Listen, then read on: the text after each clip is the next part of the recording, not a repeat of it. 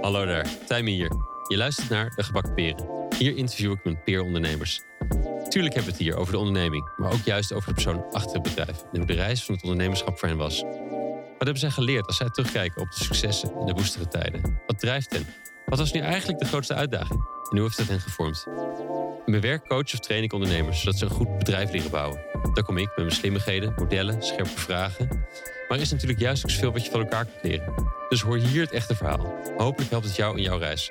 Misschien simpelweg door slim inzicht, maar nog meer door de steun, de peer support van erkenning. Ondernemerschap is de beste school voor persoonlijke ontwikkeling. Maar misschien kun je sommige lessen met minder schade en schande leren. Door slim te spieken. Of in dit geval door af te luisteren. In deze aflevering is Gijsbert Koren te gast. Gijsbert heeft eerder een bedrijf gehad, Douw Koren, dat organisaties hielp met het neerzetten van een goede crowdfundingcampagne. Op een gegeven moment zag hij dat de standaard aandeelhouderstructuren soms goede bedoelingen van het bedrijf in de weg staan. Daarvoor heeft hij We Are Stewards opgericht, een stichting die steward ownership op de kaart zet en bedrijven helpt om door steward owner te worden hun impact te maximaliseren. In de basis is steward ownership een ondernemingsvorm waar het stemrecht en economisch recht van een bedrijf gescheiden worden. Zo houd je de prikkels zuiver, zodat die ook in de toekomst in dienst van de bedoeling zullen staan. In dit gesprek neurden we natuurlijk over hoe steward ownership dan precies werkt, waar je over na moet denken en welke variaties erin bestaan. We hadden zo nog een uur verder kunnen gaan, puur daarover, maar we hebben het ook uitgebreid over zijn persoonlijke reis. Over met doorzettingsvermogen voor de tijd uitlopen, het afronden van een bedrijf als je het niet wilt verkopen, over de magische wereld van geur en over de ambitie om een hemel op aarde te creëren. Gijsbert is enorm zuiver. Hij bevraagt of iets dat gebruikelijk is wel echt moet en of het wel oké is. De consequenties van de vervolgens minder profijtelijke weg lijken van hem af te glijden, omdat dat hem dan niet meer deert. Heel mooi om te zien. Wil je meer weten over steward ownership? Op de website van We Are Stewards hebben ze een digitaal boekje gemaakt met alle ins en outs erin. En ze bieden workshops erover aan. Dankjewel Gijsbert voor dit gesprek en je werk aan deze missie. Welkom Gijsbert. Dankjewel. Welkom in de studio hier. Uh, droog en warm. Buiten is het nat. Hebben we gemerkt. Inderdaad. Goed dat je er bent. Um, ik begin uh, meestal bij, uh, behalve dus vandaag, bij, bij mensen waar ze opgroeien. Uh, en hoe ze gevormd zijn. Ik wou eerst even iets anders. Want ik kwam op jouw website tegen dat jij een fascinatie voor geur hebt. Dat leek, dat leek me mooi om mee te beginnen vandaag. Wat is, wat is jouw. Wat is, waar komt die fascinatie vandaan en wat, wat fascineert je zo? Jammer dat je dat gevonden hebt. Nee hoor. Zet die publiekelijk op zo'n beetje. ja. ja, dat klopt. Slecht verstopt. Um, nou, tijdens mijn studie in Delft is die fascinatie op de een of andere manier ontstaan. Met een medestudent, Paul, gingen we, nou, op vrijdagavond, op, soms op zaterdagavond, gingen we met van die kleine testertjes die je bij parfumzaken kunt krijgen en die we dan uh, overal nergens vandaan haalden. Dan liepen we een rondje langs vijf zaken en dan hadden we, nou, twintig testers of zoiets. En dan gingen we daaraan ruiken om ja, aan elkaar te vertellen wat we ervan vonden. je, je, kan zoveel als hobby hebben, maar hij, wij hadden dat als hobby. Als tijdverdrijf. Um, maar als je dat doet, dat is eigenlijk een hele wonderlijke, interessante wereld. Want daar zitten vaak heel veel dingen in een geur verstopt die je op een gegeven moment kunt herkennen. En de andere kant, het creëren van zo'n geur is ook super interessant. Hoe je uh, blokjes op elkaar kunt bouwen om tot een soort totaalgeur te komen. Waarin ja. verschillende lagen zitten die langzaam zichtbaar worden, die met elkaar werken. Dus de afgelopen vier jaar doe ik er eigenlijk vrijwel niks meer mee. We hebben een zoontje van vier. Misschien speelt dat mee. Ja. ik wil hem graag de schuld geven. Nee, ik heb besloten om, uh, om er niet meer mee bezig te zijn. We hadden thuis een iets te, of ik had thuis een iets te grote verzameling ingrediënten waar je oh, ja. parfum mee kunt maken. Een stuk of 500 ingrediënten, een hele wand vol en een soort uh, setup waar je die dan met elkaar kunt mixen. En in de zomer ging ik altijd een, een aantal weken naar Kras, naar Zuid-Frankrijk, waar je, nou ja, wat een soort epicentrum is, of in ieder geval was, want het is een beetje vergane glorie. Maar dat heeft ook wel weer heel veel charme. Een soort epicentrum van de parfumindustrie van vroeger. maar daar zit uh, een soort vereniging, parfumerievereniging van Frankrijk. En die hebben een soort summer schools. Dus daar ging ik dan uh, oh, wow. in ja, de zomer heen. Ja. Het is dus meer dan een, uh, gewoon een fascina een, iets wat je interessant vond. Zeg maar. Dat is echt ja. echt gebezigd. Dat had ik niet zo verwacht. Ja, mooi. Ja, maar het is wel op het niveau van hobby in de zin dat ik mezelf er geen doelen ooit. Hè, ik heb mezelf nooit doelen gesteld op dat vlak. Waardoor het altijd onderzoeken bleef. En dat was echt heel erg leuk. Ja. Um, ja. ik pak het misschien ooit weer eens op. Ja, ja, precies. Is er, is er iets van het eh, nadenken over geur en dat, wat je zegt over het gelaagd en het opbouwen, wat je, wat je, wat je, wat je ook gehol, eh, een soort andere kijk op ondernemerschap of op, op, op het systeem waarin we ondernemerschap organiseren, waar we het natuurlijk met steward ownership over gaan hebben ook, maar dat je je kijk hierop uh, gevormd heeft? Ja, weet je. Weet ik eigenlijk niet. Of, nee. of um, waar ik mijn fascinatie of interesse voor parfumeren aan spiegel of aan relateer, waar ik hetzelfde ervaar is. Uh, ik heb industrieel ontwerpen in Delft gestudeerd en um, nou, dan leer je eigenlijk ontwerpen. En het maken van een geur is eigenlijk ook ontwerpen en het toevoegen van ingrediënten. En nou, misschien heb je toch wel gelijk. Hè? Als je een bedrijfsstructuur inricht, is ook het toevoegen van ingrediënten die ja. wel of niet met elkaar samenwerken. En maar waar je tegelijkertijd oneindig veel variatie lijkt te hebben. Ja, en soms is het een goede mix en soms niet. Ja. ja. ja. grappig. Ja, nee, het is wel, is wel een link in te leggen, ja. Ja, ja eigenlijk wel. hey, dan toch even hoe, hoe, waar je bent opgegroeid. Je, zei dan net, ik kom uit, uh, voor, de, voor de start zei ik kom met mijn ouders uit Amsterdam uh, vandaan nu. Ja. Je bent in Amsterdam opgegroeid. Hoe, hoe, hoe, hoe, kun, je ons, kun je eens beschrijven hoe, jullie, hoe jouw thuissituatie was? Ik, Hmm. ik vraag dan, weet je wel, met je zo'n zo, zo scène rond de eettafel. Hoe was de dynamiek met jou en je ouders en mogelijk broers en zussen uh, ja. daar? Ja, ik ben opgegroeid in Amsterdam. Eerst in Zuidoost en daarna in Noord. Ik ben geboren in Amersfoort. Uh, ik heb eigenlijk geen herinnering aan Amersfoort. Um, maar het voelt wel als mijn stad. Toch wel, ja. nee hoor, flauw. Um, en ik heb een broertje en een zusje. Ik ben de oudste. Uh, en uh, mijn ouders wonen nog dicht bij de plek waar we in Amsterdam-Noord... Lang gewoond hebben met z'n vijven. En we zijn alle drie uitgevlogen.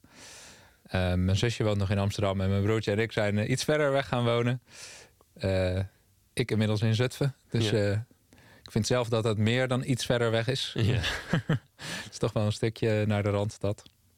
We zijn daarheen gegaan omdat we nou ja, natuur, ruimte en dat soort dingen zochten. Um, maar de scène rond de eettafel of aan de eettafel...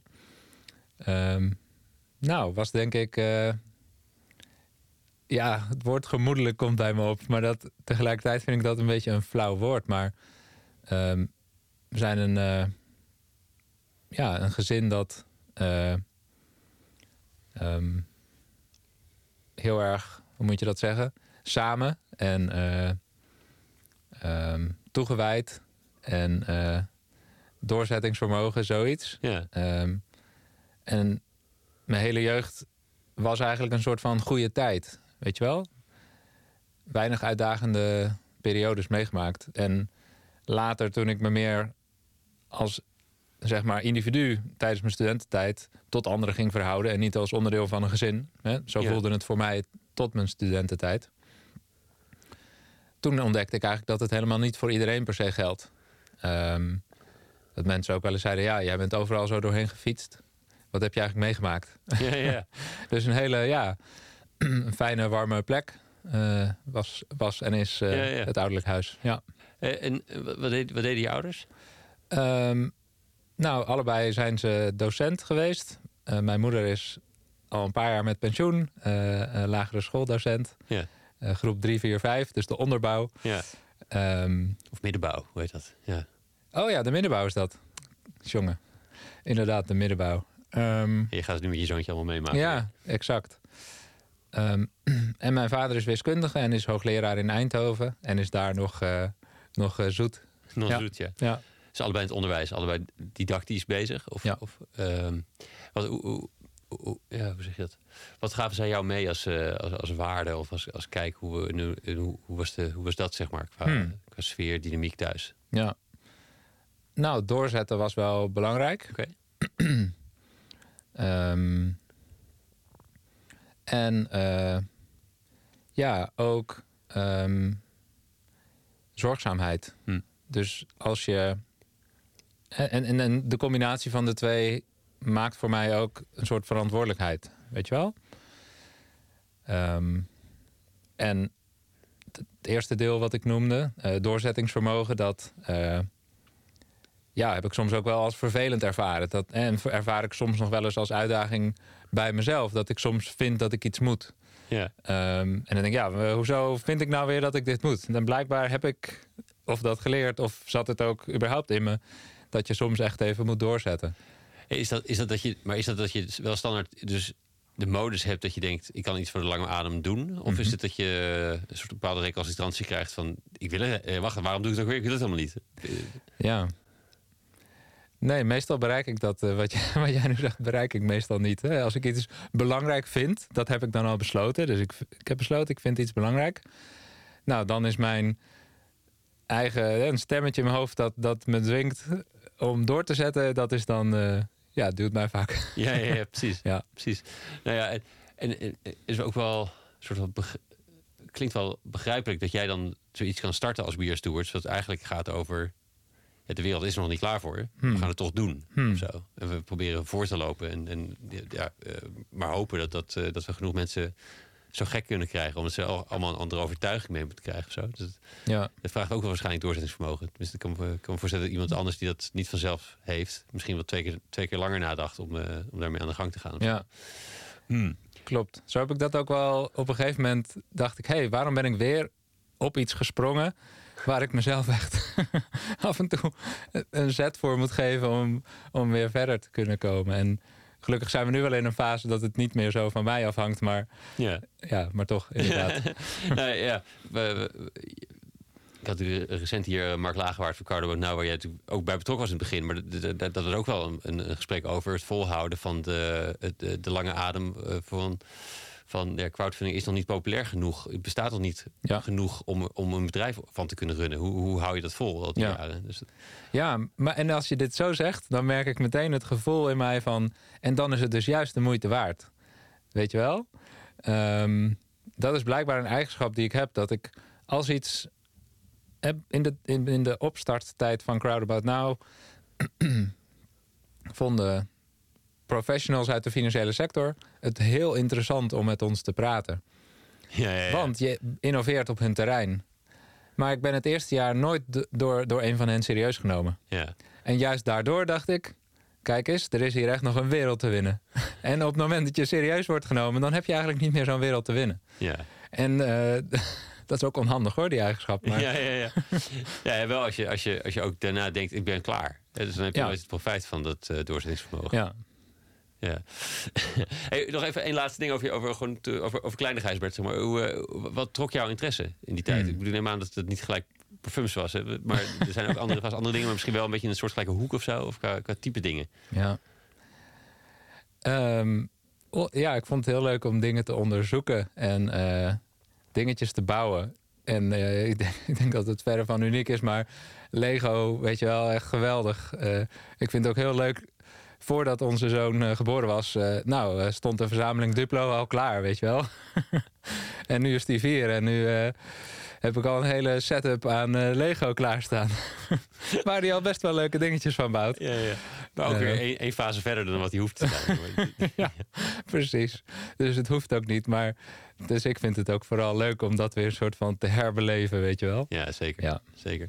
Was je, maar ben jij het type Lego-bouwer dat de verpakking of de, de handleiding volgt, het gebouwd heeft, klaar is? Of is, is het meer, haal het maar weer uit elkaar opnieuw en we gaan kijken wat we nog meer kunnen bouwen ervan? Ja, allebei. Ja? Ja, Jij gaat ook die handleiding een keertje Ja, volgen. ja, ja. Maar, je- sommigen stoppen dan. Dat is wel interessant. Dat, dat, wel, ja weet je dat ik een keer op een, een feestje was? Ik, ik, was misschien, ik was echt nog niet zo oud, misschien vijf.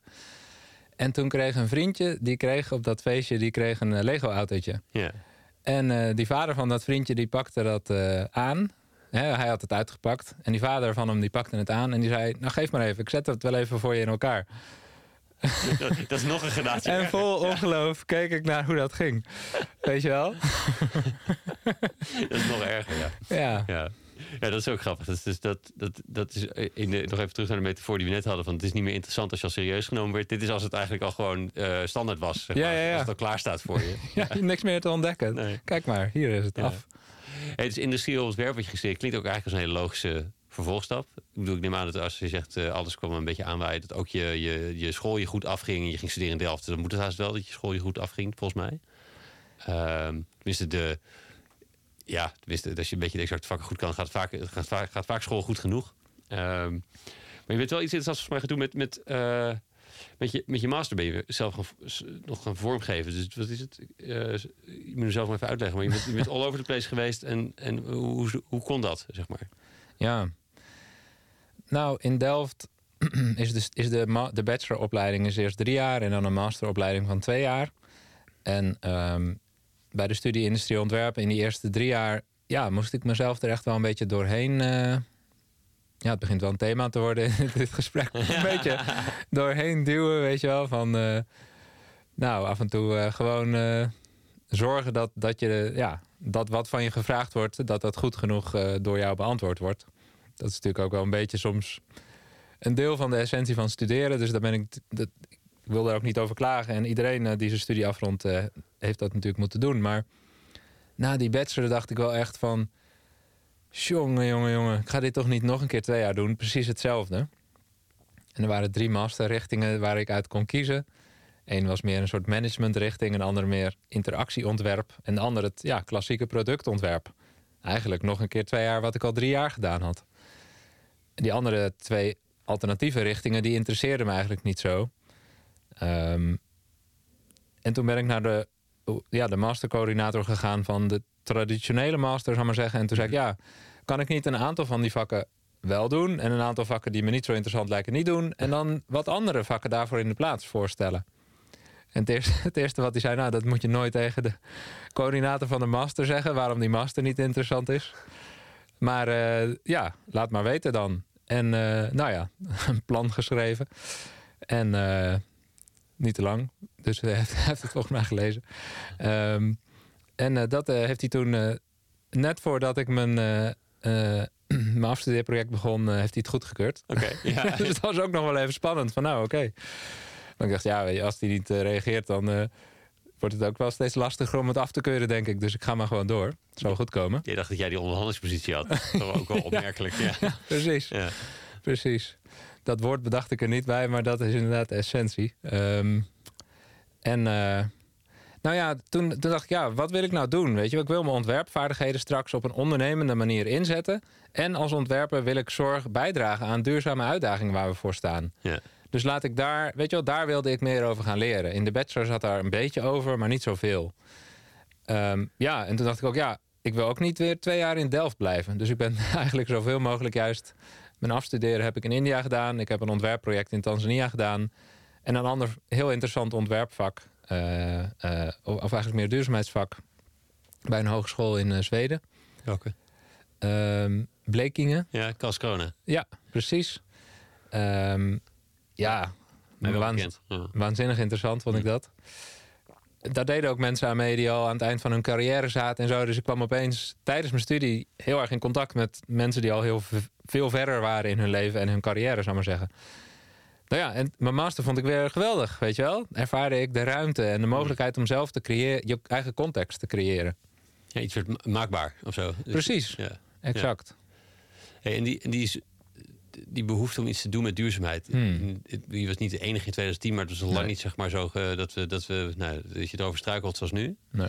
Of dat het bijna wel moet. Hè? Ehm, waar kwam die, is, dat, is dat diezelfde zorgzaamheid uit je gezin? Of, of, of is er iets wat je, jou triggerde Hmm. daarvoor? Ja. Ja, goede vraag.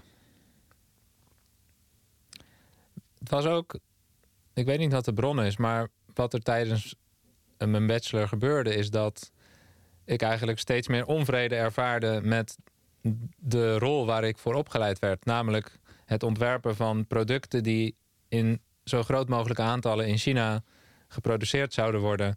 En dan zoveel mogelijk verkocht zouden moeten worden in het Westen, heel plat geslagen. Ja. Ja, dat leer je eigenlijk heel goed doen eh, bij die studie. Ehm, en ik voelde daar steeds meer een soort eh, weerzin tegen, omdat dat, dat is wat ik dan zou gaan doen. Dus ik zag het nut niet. Dus eh, En wat klopte daar niet aan? omdat ehm, daar eigenlijk eh, heel veel afval uit ontstaat. En producten die. En modegrillen, weet je wel. Ehm, en eigenlijk helemaal niet een soort verantwoordelijkheid nemen voor wat er in dit geval, in, hoe ik het uitleg, in China aan de andere kant van de wereld, wereld gebeurt. Dus een totale onverantwoordelijkheid en eigenlijk een soort hyperfocus op een bepaalde kunde. Ja. Ehm, en als ik het dan helemaal plat sla, en daar doe ik het natuurlijk mee tekort, maar hoe kun je zo goedkoop mogelijk uit een spuitgietmachine zoveel mogelijk producten stampen die voor zoveel mogelijk geld verkocht kunnen worden. Ja. Ja, daarvoor was ik niet die studie begonnen. Nee. Nee. Ik was begonnen om de. maar dat is niet, misschien niet. eh, ik was begonnen omdat ik oud- BMW's wilde ontwerpen. Oh, logisch. Logisch, tuurlijk. maar goed, anyway. Ja, dat leerde je daar niet. Ja. Nee, ja, nee, nou, sommige mensen gingen dat wel doen. Maar dat was trouwens wel de, de Champions League van producten ontwerpen, is, is auto's ontwerpen. Dat is interessant dat je het zegt. Ik was een keertje bij eh, TEDx in Delft. Hmm. Ik denk ongeveer nou, ik denk een jaar of twee nadat je afstudeerde. Hmm. Maar daar was een autoontwerper en die had het over dan de vrijheidsgraden die je hebt als autoontwerper. En dan had je altijd zo'n frame van een auto, zo'n silhouet van een auto. En ja, je mag hier ongeveer zoveel millimeter op, naar boven en naar beneden. Je mag daar, eigenlijk mag je niks. Want het is Oh, allemaal, allemaal dichtgetikt natuurlijk door, door veiligheidsregels. Hmm. Eh, allemaal met goede redenen. Maar dat was- maakt het als ontwerper ja, of extra leuk als je van de randvoorwaarden houdt. Maar je bent wel een beetje snel klaar eigenlijk. Want Ja. daarom zien al die auto's er toch een beetje hetzelfde uit. Ja, Dus is, dat echt, is dat echt het summum? Eh, ja, nou ja, als je, als je de, vaar, de ontwerpvaardigheden en dan het, het ontwerpen van een fysiek product, dus tekenen en in AutoCAD en eh, Ja. een klein model, als je daar zeg maar top of the bill bent, dus het beste in bent, dat is wat auto-ontwerpers moeten kunnen, zeg maar. Die moeten daar heel erg goed in zijn. En het heeft natuurlijk ook, eh, het feit dat ik dat wilde, dat was blijkbaar ook niet uniek. Blijkbaar is dat een soort jongensdroom Dat snap ik. Ja, ja, ja, precies. waar meer mensen mee beginnen. Dus er is denk ik gewoon meer interesse bij eh, studenten dan vraag vanuit de markt, zeg maar. Ja, ja, ja, nee, dus dat, dat, het kan zeker ook een soort cultureel summum zijn. Ja. Maar dat ik meer te zoeken van, is dat echt waar je het meest ontwerpvaardigheden voor nodig hebt? Ik, ja, dat is eigenlijk een goede vervolgvraag. Dat weet ik niet. Hmm. Leuk. Ik hoop gewoon dat auto's minder interessant zijn. Dat is het denk ik. Ja. Ehm, hey, hoe raakte jij na je studie ehm, eh, eh, verzand, of verzeild in, in, in die crowdfunding Hmm. hoek? Ja. Nou, het is eigenlijk tijdens eh, mijn master gebeurd dat eh, Mark Laagwaard Ja. en eh, een aantal anderen vroegen of ik mee wilde denken over het starten van een crowdfunding platform. Toen noemden we dat nog niet zo, maar het was meer nadenken over hoe je ondernemers op weg kon, kon helpen. En in 2007, 2008 hadden we net de kredietcrisis gehad. Dus banken waren onderuit gegaan en ondernemers kregen opeens, als ze een te risicovolle lening aanvroegen of een te kleine lening, kregen ze opeens nee te horen van een bank. Waar Ja. dat voor de kredietcrisis eigenlijk niet het geval was. Dus er was een eh, ja, nieuwe vraag ontstaan naar alternatieven. Ehm, en het was ook, ja, er leefde ook wel een soort onvrede richting banken van, hé, hey, verdraaid. Er moet, toch, er moet misschien een aanbieder komen die iets eh, beter ingericht is, die meer lokaal geworteld is, die eh, ook maatschappelijke waarden belangrijk vindt. En crowdfunding heeft dat denk ik in zich, dat mensen met elkaar het geld neerleggen om een ondernemer te helpen om een stap verder eh, te zetten. Ja. Eh, terwijl een bank vaak anoniem is. Hè? Dus je hebt misschien het gesprek met een accountmanager als ondernemer. Ja. En die ken je niet goed. En daar heb je misschien eh, een soort professioneel contact mee, maar niet persoonlijk contact mee. En als je bakker bent, hij gaat niet voor 100 klanten brood bij je kopen. Maar als 100 van jouw klanten jouw bakkerszaak financieren, ja, dan eh, heb je een heel andere relatie met hen als financier. Hey, dat zijn inderdaad de, soort van de, de, Hmm. de, de voordelen. Herkende je die toen al zo? Of wat integreerde je zo aan, eh, om hier in te springen? Eh, nee, ja, toen was het de reden, althans, dat is hoe ik het me herinner. De reden dat we hiermee aan de slag gingen, was echt een soort verontwaardiging over dat banken er een potje van gemaakt hadden. En dat we dachten, ja, vertrouwen we het ze dan opeens na de kredietcrisis wel toe? Ja, ja, ja. We kunnen het volgens mij gewoon met elkaar gaan organiseren. Dus en het, dat, was, het was niet eens dat er een alternatief voor het financieringsprobleem moest komen, maar meer voor gewoon überhaupt voor banken. ja, En, en, Ja. en ook de rol die ze dan richting de ondernemer konden hebben. Ja. Maar ehm, ja. Ja. ja, grappig. En, en wat, hoe, hoe raakte jij hier eh, in, in deze groep? Hoe kende jij Mark? Hoe, wat is de, de rol die je, daar, die je er binnen kreeg? Hoe werkte dat in het begin Hmm. een beetje? ja. Nou, we leren elkaar kennen in onze studententijd dus, aan het eind van onze studie. En we waren allemaal, of een groot deel van de mensen die betrokken raakten... was ook betrokken bij een eh, studentenvakbond in hun stad. Dus Mark was bij de USF in Utrecht actief en ik bij de VSSD in Delft. Als je in Delft gestudeerd hebt, dan herken je het. En anders denk je, whatever. Ja, Ehm, vier, letters, maar ja.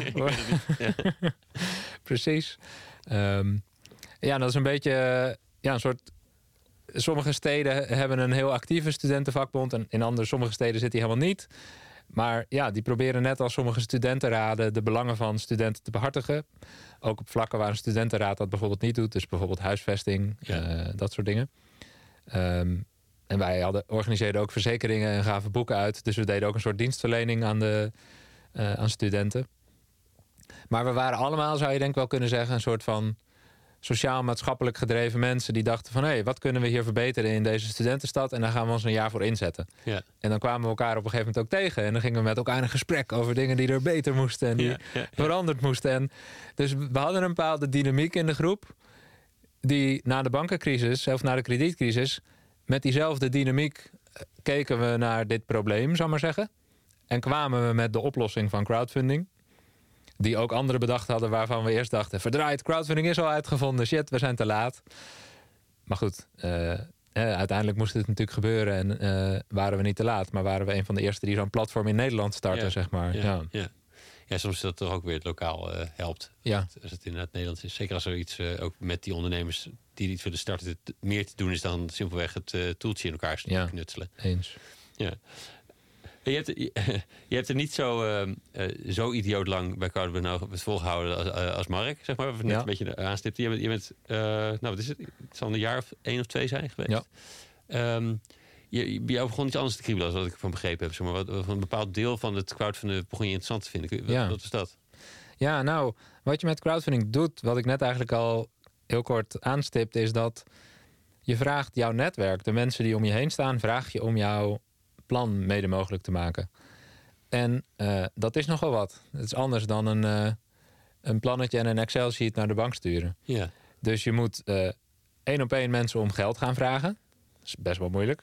Ehm, en je moet ook een enthousiast verhaal hebben. En campagne gaan voeren eigenlijk. Ja. Om dat geld dan bij elkaar te krijgen.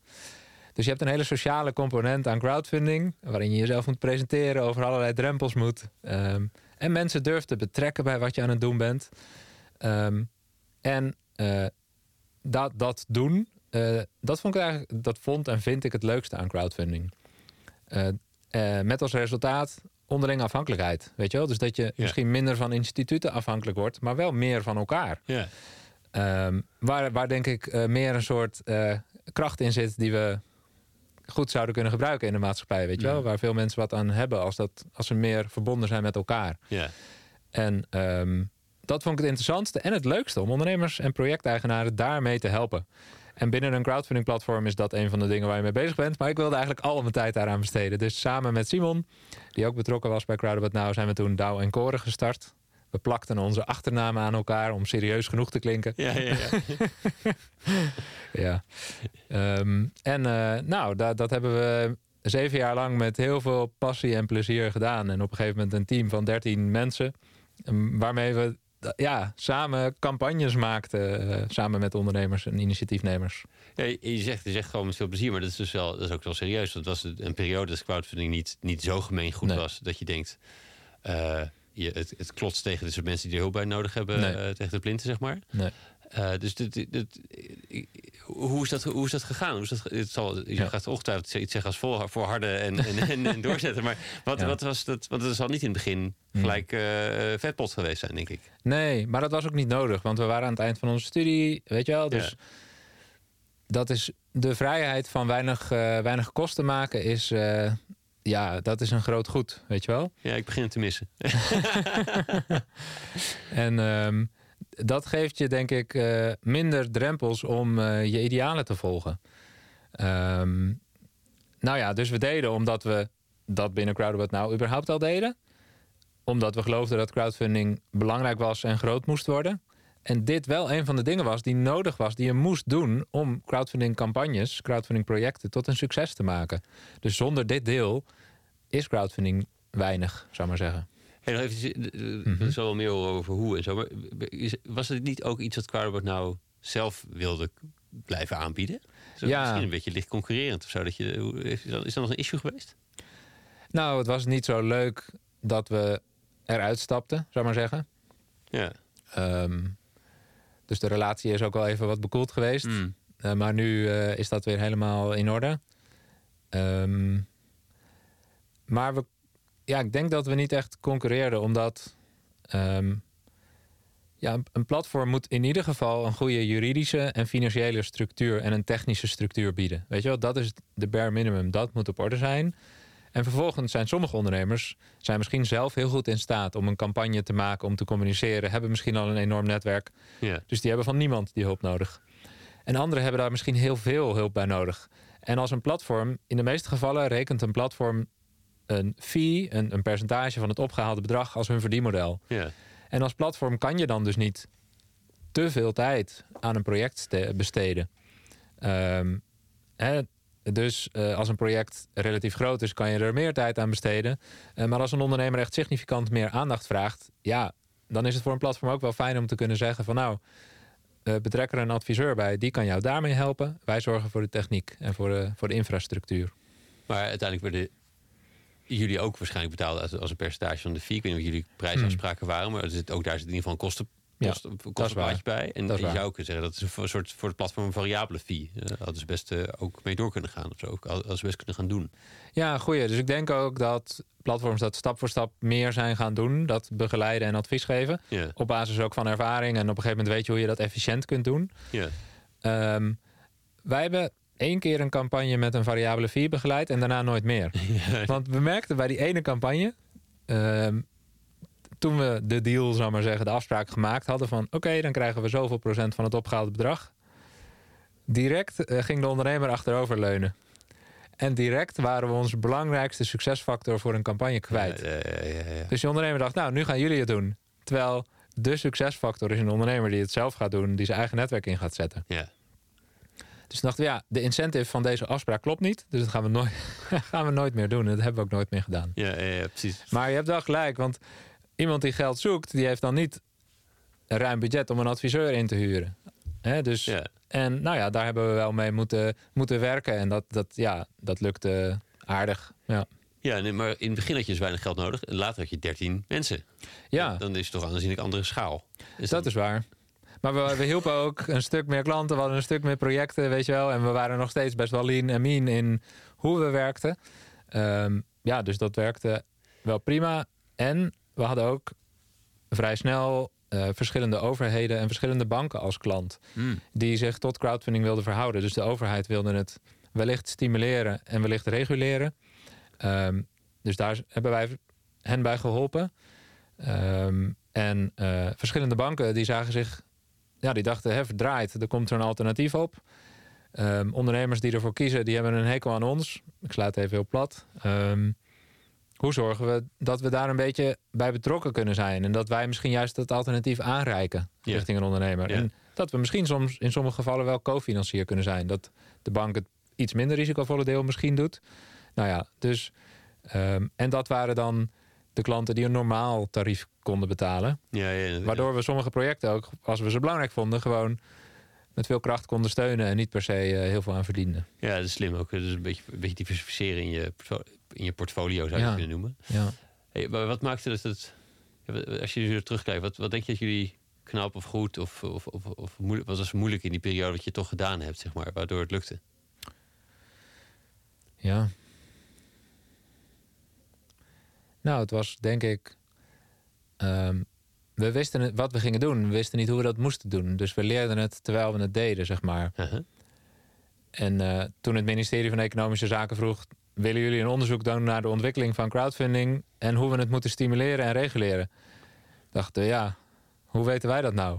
Weet je wel, we weten wel wat er gebeurt, maar hoe, weet je, hoe weten wij nou hoe je dingen moet stimuleren en reguleren? En dan, maar we wilden wel dat, dat als dat een vraag is, dat het antwoord dat wie dan ook daarop zou geven goed was. Toen dachten we, ja, laten wij het dan aannemen inderdaad. En dan gaan we wel heel goed uitzoeken hoe dat in andere sectoren gegaan is, hoe dat misgegaan is, hoe dat beter kan. Ehm, dus gewoon op alles ja zeggen en dan leren hoe. Ja. Ehm, ja. Hey, wat is jullie rolverdeling tussen jou en Simon? Hoe, hoe is het daar een soort... als je met z'n tweeën te doen, is het belangrijk dat je elkaar aanvult... en dat je eh, goed met elkaar bent. Maar hoe, hoe zag dat er bij jullie, bij jullie uit? ja, dat ging eh, van nature echt heel erg fijn. Eh, ehm, ik ben meer, denk ik, de technische strateeg. ehm, die de details interessant en belangrijk vindt. Ja. Ehm, en overzicht dan ook weet te houden. En ehm, hij is en was meer degene van de hoofdlijnen en van het persoonlijk contact. Ehm, waardoor we denk ik ook, uh, nou ja, veel en snel relaties konden leggen en dan ook konden, konden opleveren, zeg maar. Uh, ja, dus dat was echt een hele fijne combinatie. Um, en we waren allebei heel erg ambitieus, waardoor we ook heel veel van elkaar eisten. Waardoor die zeven jaar ook echt uh, een soort, hoe noem je dat? Een, een rollercoaster soms waren, weet je wel. Dus, wat, wat maakte dat het op en neer ging dan? Nou, een rollercoaster in de zin eigenlijk meer een, gewoon een rollercoaster die de hele tijd ging. Weet je wel? Um, ik bedoel, dan hadden we het, eer, het ene gedaan waarvan we dachten... nou, we gaan dit voor het eerst doen, laten we ja zeggen. En dan kwam het volgende.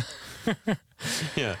Um, ja, dan zeiden we, oké, we gaan een event organiseren in de Amsterdam Arena. Die hebben een soort conferentiecentrum naast, dus niet de Amsterdam Arena... maar uh, in het conferentiecentrum uh, voor de financiële sector over crowdfunding. En daar moeten dan 600 mensen komen. Nou, hebben we ooit een event georganiseerd? Nee. Het is meteen relatief groot. Nou, weet je wel, dus... Maar als je dan met toewijding en aandacht dat doet en de juiste mensen erbij betrekt en ja, en, en, dan hadden we dat gedaan en dan was het niet oké. dan gaan we dit nog eens vijf keer doen en dan hebben we het fijn geslepen en dan loopt het op rolletjes. Dan kwam het volgende nieuwe alweer. En dat vonden we denk ik allebei ook heel leuk, weet je wel. Dat het uh, in een soort opkomend fenomeen, hè, in de biografie van een opkomend fenomeen, waren wij degene die al die stapjes uh, meemaakten. En daarin zelf dan ook heel veel konden leren. Ja, ja ook weer waar we het net een beetje over hadden inderdaad. Dat, dat, als het toch, als het... Uh, ja, dat moet wel in het leuke deel, in het uitzoekdeel. Ja. Het, uh, het voorloopdeel. En nee. dat, is, dat is soms ook... soms, een beetje, soms maak je daarmee jezelf wat moeilijker dan nodig. Of in ieder geval minder lucratief dan nodig. Maar het, het, het, is, het is nou eenmaal wat je, wat je, wat je aangaat. Zo, waar, waar je aan gaat. Je gaat ook harder praten als je het erover hebt. Of oh. wel heel sneller. Is dat, is dat omdat je dan weer terugdenkt aan die versnelling? Versnelling? Of die...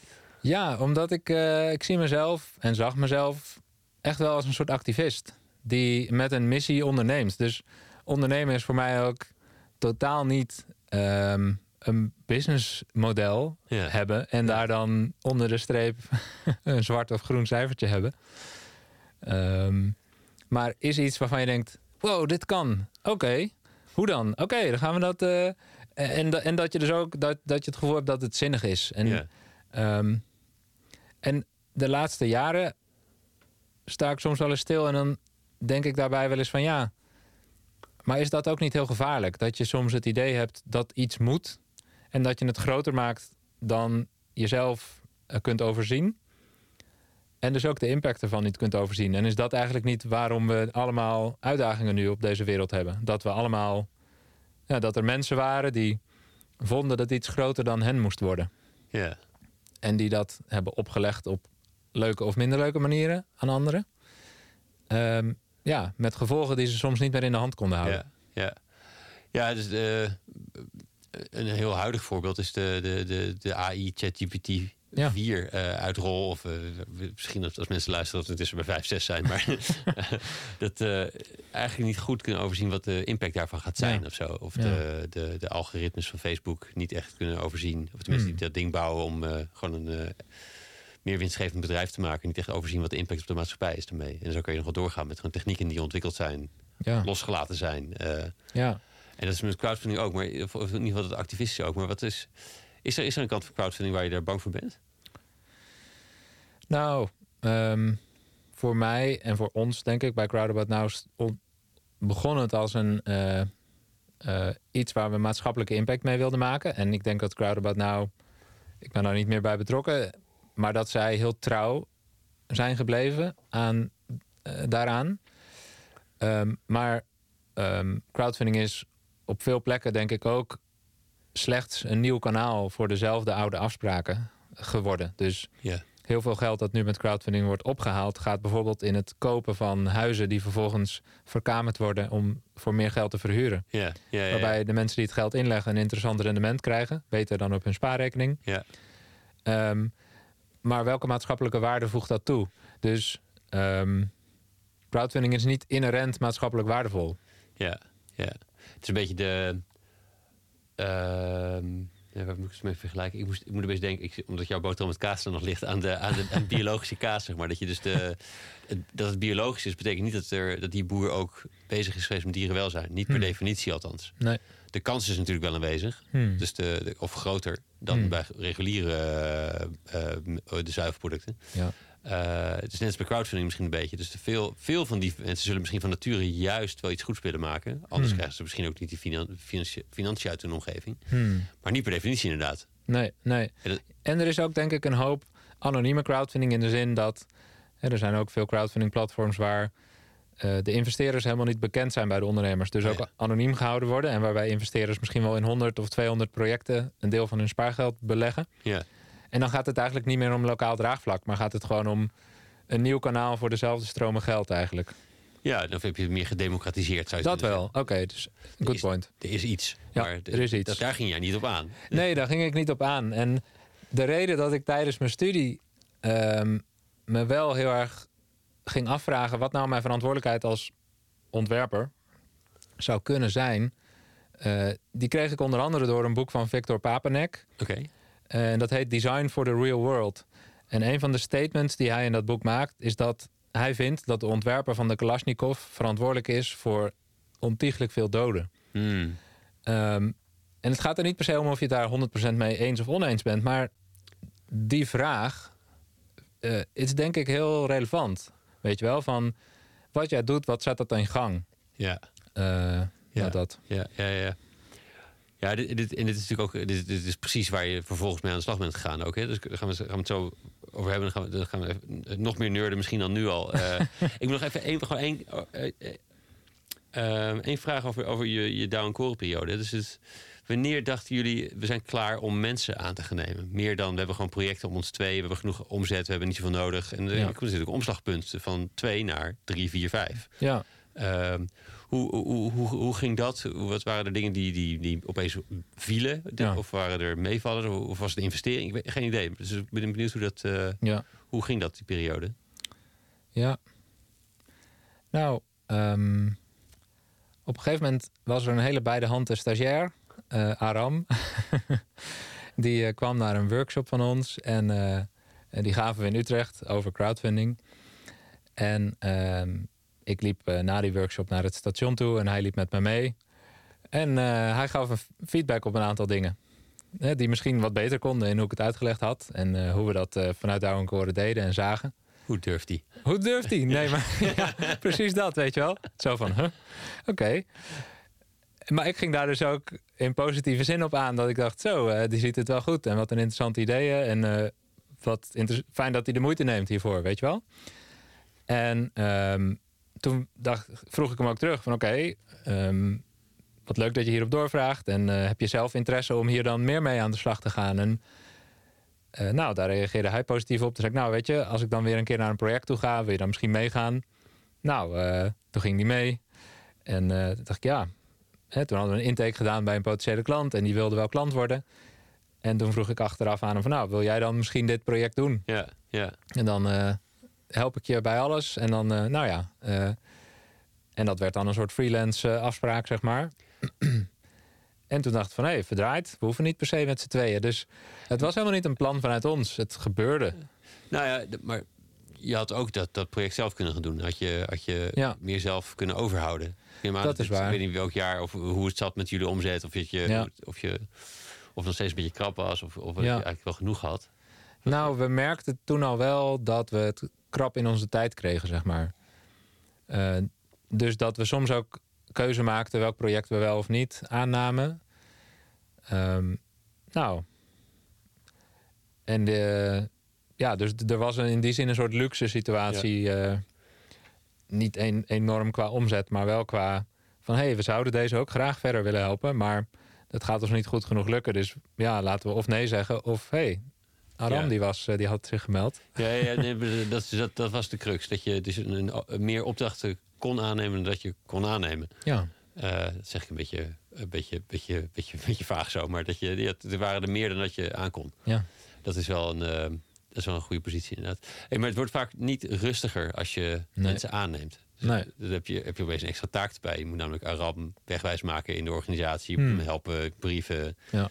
Ehm, dan heb je, volgens mij heb je in die beginperiode vaak... tenminste wat ik vaak zie... is dat je dan eigenlijk minder tijd hebt dan, Hmm. dan eh, daarvoor. Ja. Eh, hoe, hoe gingen jullie daarmee om? Ja, goeie. Eigenlijk viel dat wel mee. Ehm, met Aram en Wendy, de tweede collega die aan boord kwam. Is dat eigenlijk, was dat niet zo en is dat nooit zo geweest en ook nooit zo geworden, zeg maar. Ehm, later, toen we iets verder groeiden, is dat denk ik wel iets meer zo geworden. En ehm, ja, maar in het begin is dus. Hè, later zetten wij ook een vacature. En dan eh, zochten we iemand. En eh, nou ja, dan ga je een proces in van oké, we willen dan iemand hebben. Dus we gaan zoveel tijd nemen om gesprek te hebben. Zoveel me hè, dan is er een soort leading uh, activiteit vanuit de werkgever. Dus vanuit ons, vanuit de organisatie, zeg maar. Ja. En dan kom je dus ook meer, denk ik, in zo'n andere relatie te zitten. Ja. Terwijl met Aram en Wendy was het meer... oké, nou, interessant, ja, leuk. En wat zou je dan willen? Wat vind je leuk? En waarom? En uh, hoe denk je hierover en daarover? Dus uh, dan denk ik dat iemand al standaard... een meer verantwoordelijke uh, rol, houding aanneemt. Ja, verantwoordelijke houding is, is, is heel belangrijk. En, en, en, maar ook dat hij het net zo goed als jullie doet, toch? Of, of beter? Ja, nog. inderdaad. Beter, anders. Dus beter bij elkaar. Ja, absoluut. Ja. En ja. hoe zorg je daar in het begin voor?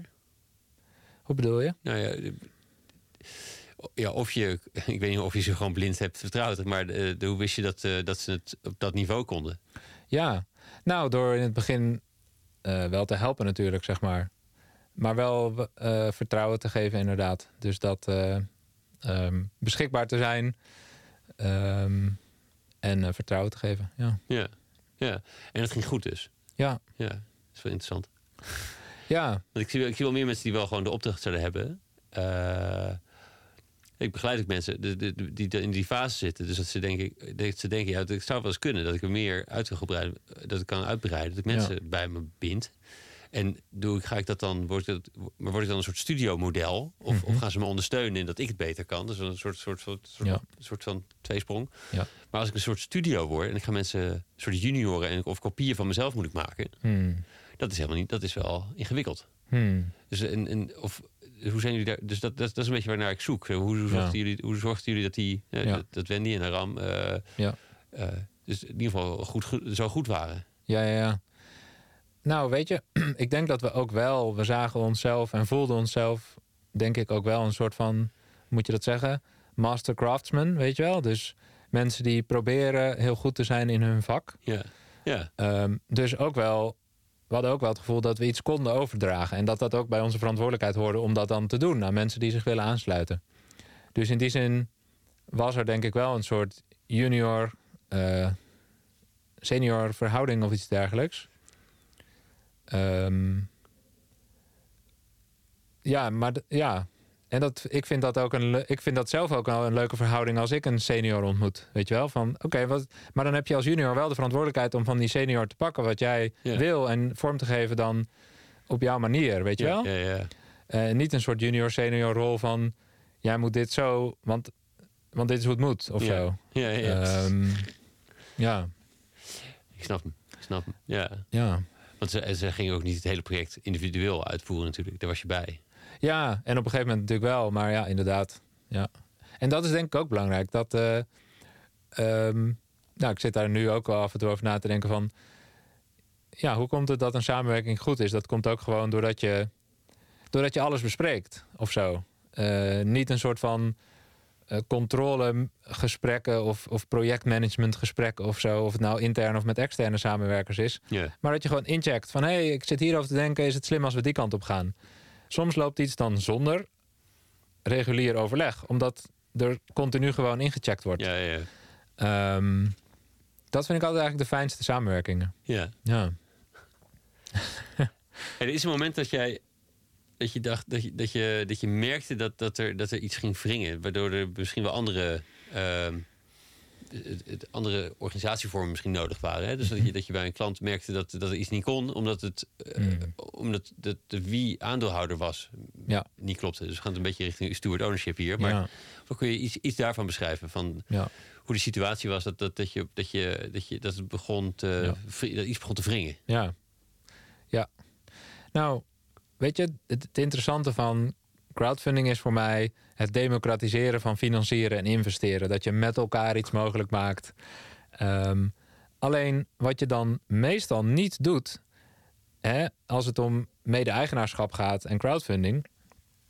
Wat je dan doet, is je maakt anderen mede-eigenaar. Dus in plaats van één eh, eh, eigenaar, zeg maar, of één aandeelhouder, ehm, heb je er opeens misschien honderd. Ja. Ehm, wat je daarmee doet, is dat je het eerlijker verdeelt en dat je het democratischer maakt. Maar wat je ook doet, is dat je hetzelfde probleem van die één naar die honderd legt. Ja. Ehm, dus die 100 zijn nog steeds eigenaar-aandeelhouder, zeg maar. Ehm, en ehm, ja, het fundament. eh, het, en en aandeelhouders zijn de belangrijkste stakeholders binnen een bedrijf. Dus je spreekt binnen de eh, bedrijfskunde of de economie soms ook wel van eh, de agency theory, het idee eh, dat een, eh, eh, een aandeelhouder een, een principaal is, een principal is. En dat hij een agent heeft. En dat is de directeur of de bestuurder van de onderneming. Ja. Ehm, en die twee woorden vatten voor mij heel goed samen eh, ja, hoe aandeelhouderschap werkt. Eh, hè, dus je hebt een agent die namens de aandeelhouders het bedrijf runt. En als hij dat niet goed genoeg doet, dan kan hij ontslagen worden door de aandeelhouders. Ja. En hij kan een bonuspakket krijgen van de aandeelhouders. Meestal in aandelen, zodat hij ook aandeelhouder wordt. En een soort gelijke wordt. En doet wat de aandeelhouders willen.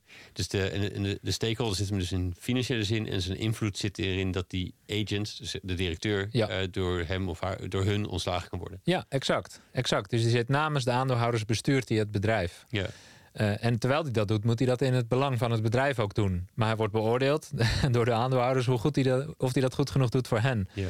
Ehm, terwijl, Ja, je gaat nu orthogonale bewegingen maken, zeg maar. Die, die, twee- die, twee, eh, die twee zijn niet in lijn altijd. nee, exact, exact. En eh, nou ja, we- om, misschien spring ik een beetje van de hak op de tak, maar een bekend voorbeeld wat denk ik veel mensen kennen is hoe Paul Polman bijvoorbeeld tien jaar lang geprobeerd heeft om van Unilever een zo'n duurzaam mogelijk bedrijf te maken. Ja. En hoe, ja, hoe die daarin eigenlijk soms recht tegenover de aandeelhouders eh, kwam te staan. Die zeiden, ja, die eigenlijk zeiden van nou, dat is niet jouw opdracht. Jouw opdracht is de koers zo hoog mogelijk Ja. krijgen en houden. Ja, ja, ja, dat die, dat die in de, door, door de pers en door de, de NGO's bejubeld werd. Ja. Daar, daar, ging het alles goed. Daar kon hij allemaal uitleggen dat we een langetermijnvisie moeten investeren in, in al, die, al die boeren, al de theeboeren. En dat betaalt zich uit. Ja, komt allemaal goed. En to- uiteindelijk eh, moest hij elk kwartaal moest hij gaan uitleggen bij al die pensioenfondsen. Dat, eh, Exact. ja. En nou ja, hè, die pensioenbestuurders vonden als mens het soms misschien wel geweldig wat Paul Polman deed. Maar als pensioenbestuurder was het niet hun opdracht om als mens te handelen. Maar als rat in een systeem te zorgen dat de pensioenen zo goed mogelijk gedekt zijn. Ja. En dat er dit jaar zoveel mogelijk rendement gehaald wordt. Want ja, leuk die verduurzamingsplannen. En over tien jaar, als het goed is, meer rendement, want we zijn duurzamer. Ja. Liever vandaag meer dan morgen misschien meer. ja, die. Dus heel korte termijn gericht. En dus leuk om, duurs, om eh, financieren te democratiseren. Maar veel essentiëler is om eigenaarschap anders in te richten. Het fundament onder een bedrijf. En even, even voor de technische nuance. De, de, Ja. de, de, niet elke vorm van crowdfunding is natuurlijk ook het... het, het ehm, is, is vaak een lening natuurlijk. Geen, Ja. geen, geen aandeelhouder word je. Nee, je hebt Dus gelijk. Dus met, eh met tenminste althans de meeste weken geïnvesteerd. Jij zegt geloof ik een, aantal, een aanzienlijk aantal, groter aantal heb jij... eh, ik, ik kwam op je website tegen dat je een review deed van al die, eh, al die van je hele Oh portfolio. ja, ja, ja.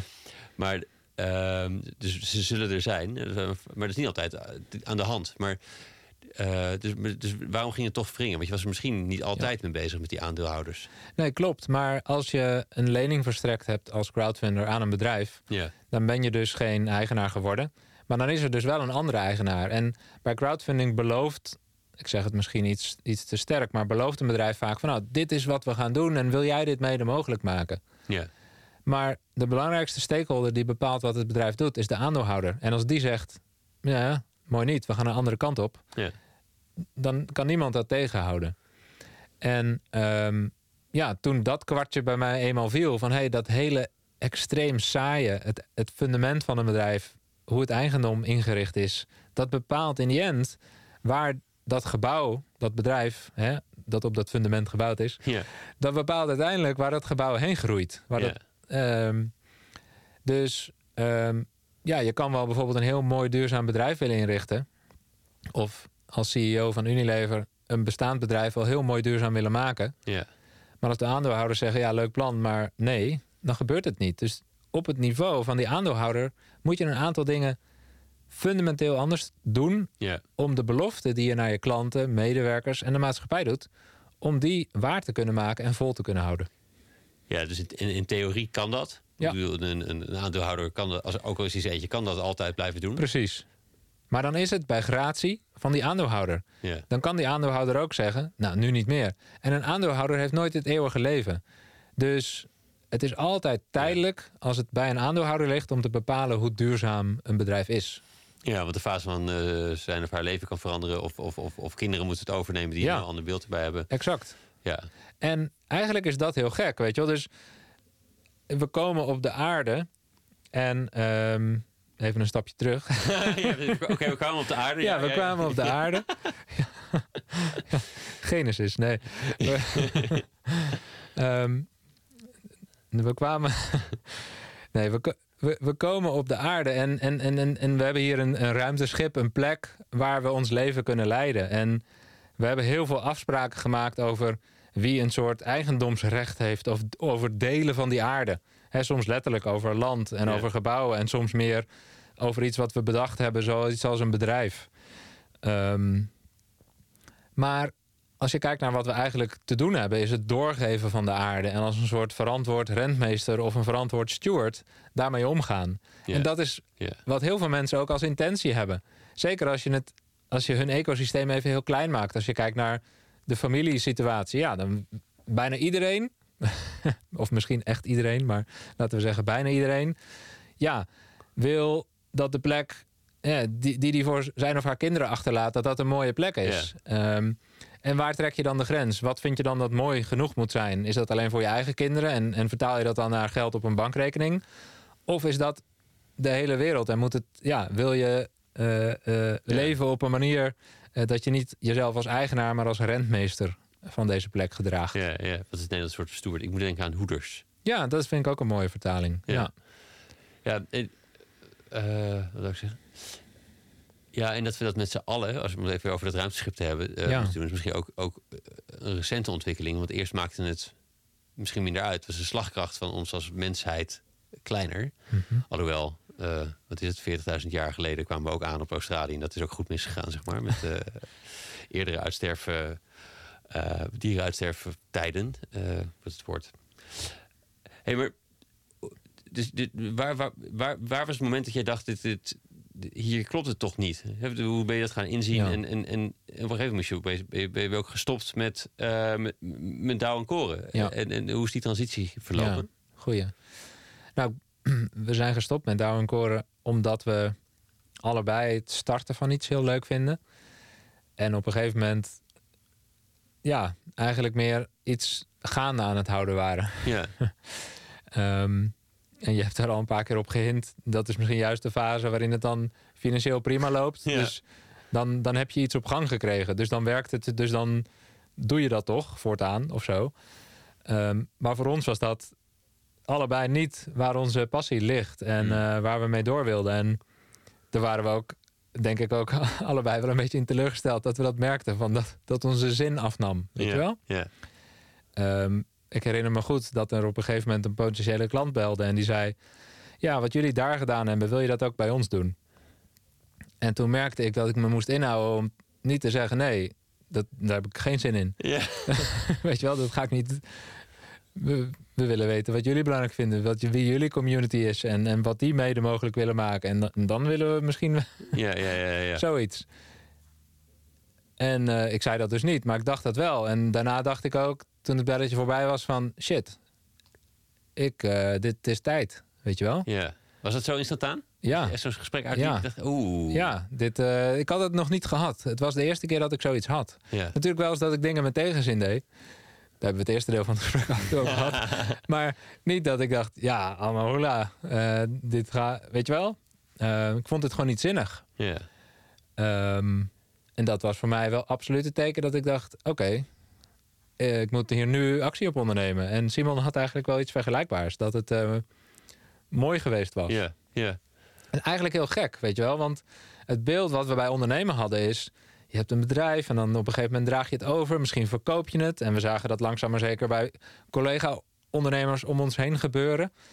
Ehm, dus we dachten, hè, wat gek. Waar, dat, moeten wij dan niet ook dat pad lopen? Weet je wel? Eh. Maar nee, dat wilden we allebei blijkbaar niet. Ja, maar ja, de- de- en, en daarmee eh, doe je misschien financieel jezelf te- tekort. Als je, tenminste, je neemt een verlies daarmee. Of zo meer je opportunity cost van het hebben kunnen verkopen, althans. Ja, maar nu vind ik dus... En toen eh, wilde ik vrijheid. Ja. Toen vond ik dat het grootste goed. Dus dat is waar ik de ruimte voor had om te kiezen. Zo van, nou, ik mag alles kiezen wat ik wil. Nou, doe mij dan maar vrijheid. Ook Ehm, snel dus. Niet dat je denkt, oké, over ik weet, ik zie dit nu. Eh, ik, kan het af, ik kan het ook zo afronden. de- ik kan het nu afronden of ik kan het eh, in een jaar tijd afwenden, Ja. zeg maar. Nou ja, het heeft uiteindelijk wel bijna een jaar geduurd. Want we hadden natuurlijk ook een verantwoordelijkheid... die we wilden nemen en moesten nemen naar onze collega's. Ja, Ehm, dus we hebben het. Nou, een, eh, we hebben eh, een paar keer in een café gezeten om het samen over te hebben. En op een gegeven moment de, eh, de knoop doorgehakt om het aan het team te vertellen: van ja, eh, we gaan stoppen. Ehm, en eh, nou, dat was niet zo heel leuk. nee. Ehm, want we hadden ze meegenomen op een eh, missie, weet je wel? Ja, Met ja. veel bravoure. ja, ja, ja. En heb je nog, eh, ik weet niet of je dat nog overwogen hebt als optie, dat- maar dat, eh, dat die missie misschien wel doorging met Hmm. een ander, andere chef van die missie erop, maar dat jullie een soort van lab Ja. ernaast hebben of zo. Een beetje de, Ja.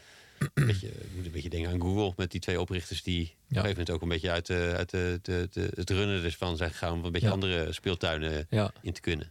Ja, maar ons bedrijf was een lab. Weet je wel? dus het was nu, ja, we wil, we, het was echt tijd voor iets anders, zeg maar. Huh. En we hebben ook, we hebben daar, er zit ook een geschiedenis aan. Hè, toen na dat belletje, eh, en natuurlijk is het iets complexer dan dat, weet je wel, maar toen hebben we het gesprek gehad van, nou, wat vinden je hiervan? Nou, oké, een aantal nachtjes slapen en nog een keer, ja, het is echt, weet je wel, we moeten hier echt iets mee. Nou, het gesprek gehad met eh, een aantal collega's van, nou, stel dat jullie het overnemen, jullie dragen eigenlijk al zoveel. Nou, dat was niet hoe zij erin wilden zitten. En toen hebben we een operationeel directeur geworven en gevonden. Eh, maar die moest op een gegeven moment weer vertrekken, omdat eh, de klant waar hij daarvoor voor werkte, dreigde opeens failliet te gaan. En toen dacht hij, ja, shit, ik heb daar verantwoordelijkheid te nemen. Dus Mm. sorry jongens, ik ben weer weg. Ehm, en die ging toch failliet uiteindelijk, dus hij had moeten blijven. nee, maar hij heeft wel gezorgd dat dat minder erg werd dan het had kunnen worden. Dus heel mooi juist dat hij dat gedaan heeft. Maar voor ons, het feit dat hij er... Hij heeft drie maanden gewerkt. We hebben zes maanden naar hem gezocht. Hij heeft drie maanden gewerkt. En Wauw. ja, en, en- en in die drie maanden hebben wij iets meer van onze gewenste vrijheid ervaren. Eh, en toen hij weer vertrokken was, dachten we, ja, we gaan er niet eh, minder van ervaren. Dus we gaan, eh, we gaan nu stappen zetten en echt gewoon.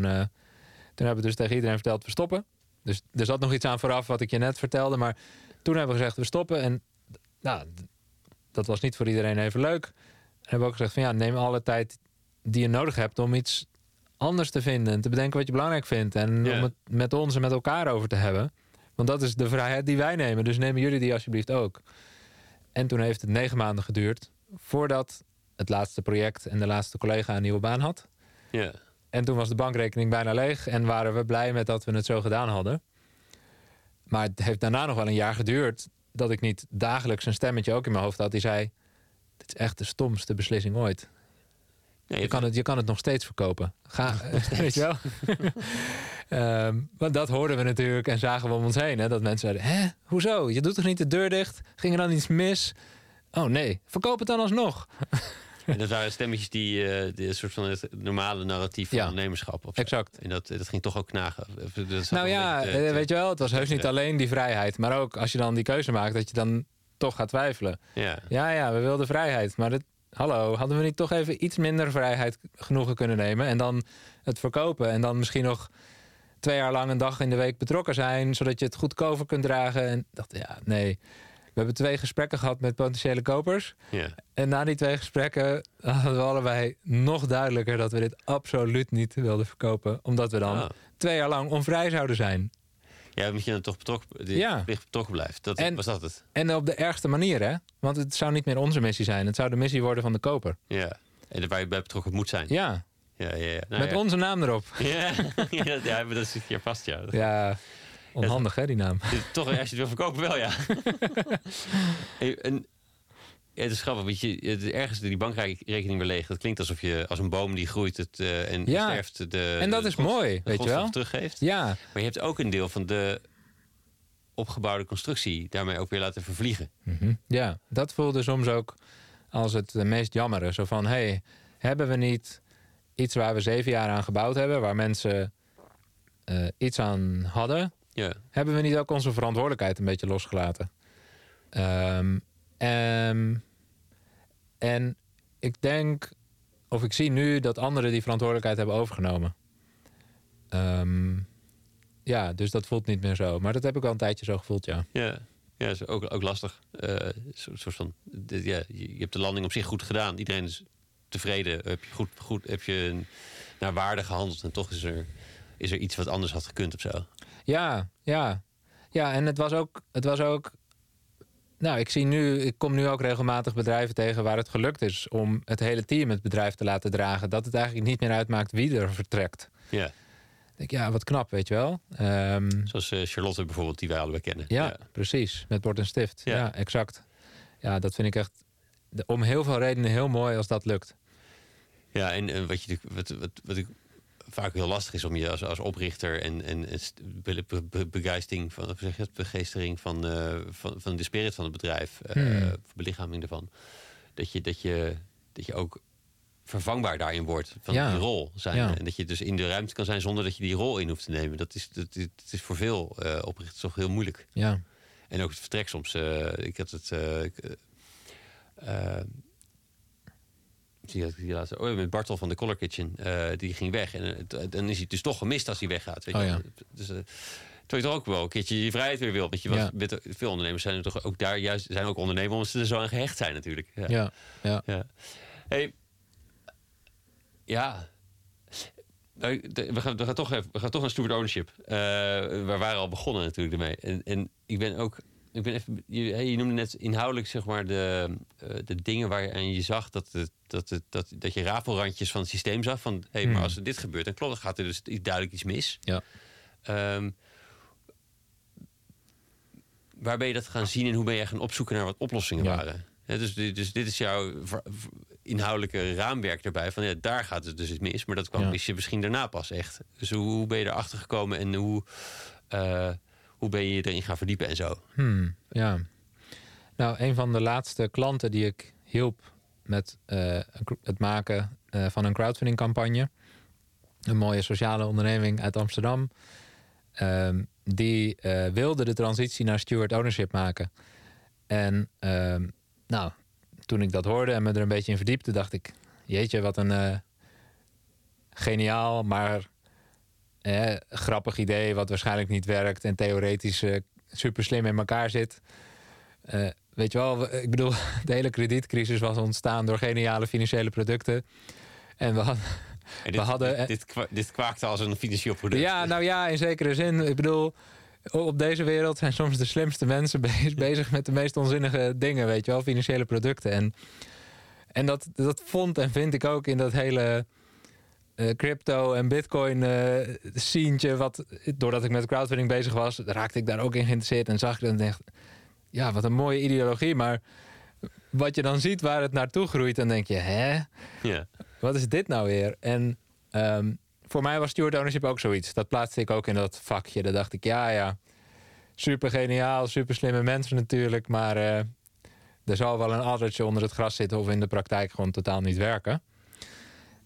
En nou, die mooie sociale onderneming die de transitie wilde maken, uh, die lukte het uiteindelijk niet. Omdat de aandeelhouders nee zeiden. Yeah. In dat bedrijf, uh, er waren al een aantal investeringsrondes geweest voordat ze gingen crowdfunden. En de helft van de aandeelhouders die dacht, ja, dit is mooi. Met steward ownership zetten we de missie centraal en onze financiële belangen die worden beperkt. En we hebben als investeerders geen stemrecht meer. Dat is even heel kort uh, een beetje de essentie van steward ownership. Uh, dus de missie staat centraal, investeerders hebben geen stemrecht en winstrecht wordt gemaximeerd op een niveau waarvan iedereen die betrokken is zegt: ja, dit is genoeg. Als ik dit ontvang, dan ben ik genoeg uh, ja. voorzien, zeg maar, ja. voor, genoeg voor goed. Um, de helft zei dus: ja, dit, dit past bij waarom we meedoen in dit bedrijf. Laten we dit doen. En de andere helft zei: ja, hou eens even. Wij zijn op een lastige tijd ingestapt. We hebben dat stemrecht nodig. En uh, nou, we willen ook wel een beetje mee kunnen sturen. En waarom zou ik mijn financiële recht maximeren? Ik, uh, ik heb toch heel veel risico genomen. Dan heb ik toch ook recht op, op alle meerwaarde die er nog zou kunnen komen in de toekomst. Ja. En los van recht, ik wil het eigenlijk ook. Ja, ik wil het. Want ik, ja, ik, het behoort mij toe. Ehm, en dan hebben we het weer over op deze aarde komen en je iets toe-eigenen als een soort eigenaar. Ehm, en uh, toen dacht ik, wow, shit, we gaan straks crowdfunden met het verhaal van die missie. En we gaan zeggen waarom dit bedrijf bestaat. En dat jij daaraan mee kan doen en de volgende stap van dit bedrijf mede mogelijk kan maken. Maar de helft van de aandeelhouders zit er helemaal niet zo in. En dat is wel het fundament onder het bedrijf. Dat zijn de belangrijkste stakeholders. Ja. Dus ik ging met best wel wat tegenzin, ging ik die campagne uh, in, zeg maar. Ja, want het voelde niet authentiek of nee. incongruent ergens. Nee. Dus toen ik het positieve verhaal van Steward Ownership hoorde, dacht ik, ja, ja, allemaal leuk en aardig. Maar toen ik hoorde dat het niet doorging, dacht ik, wow, shit. Het fundament onder een bedrijf is essentieel. Dat saaie deel, het eigendom, hoe dat ingericht is.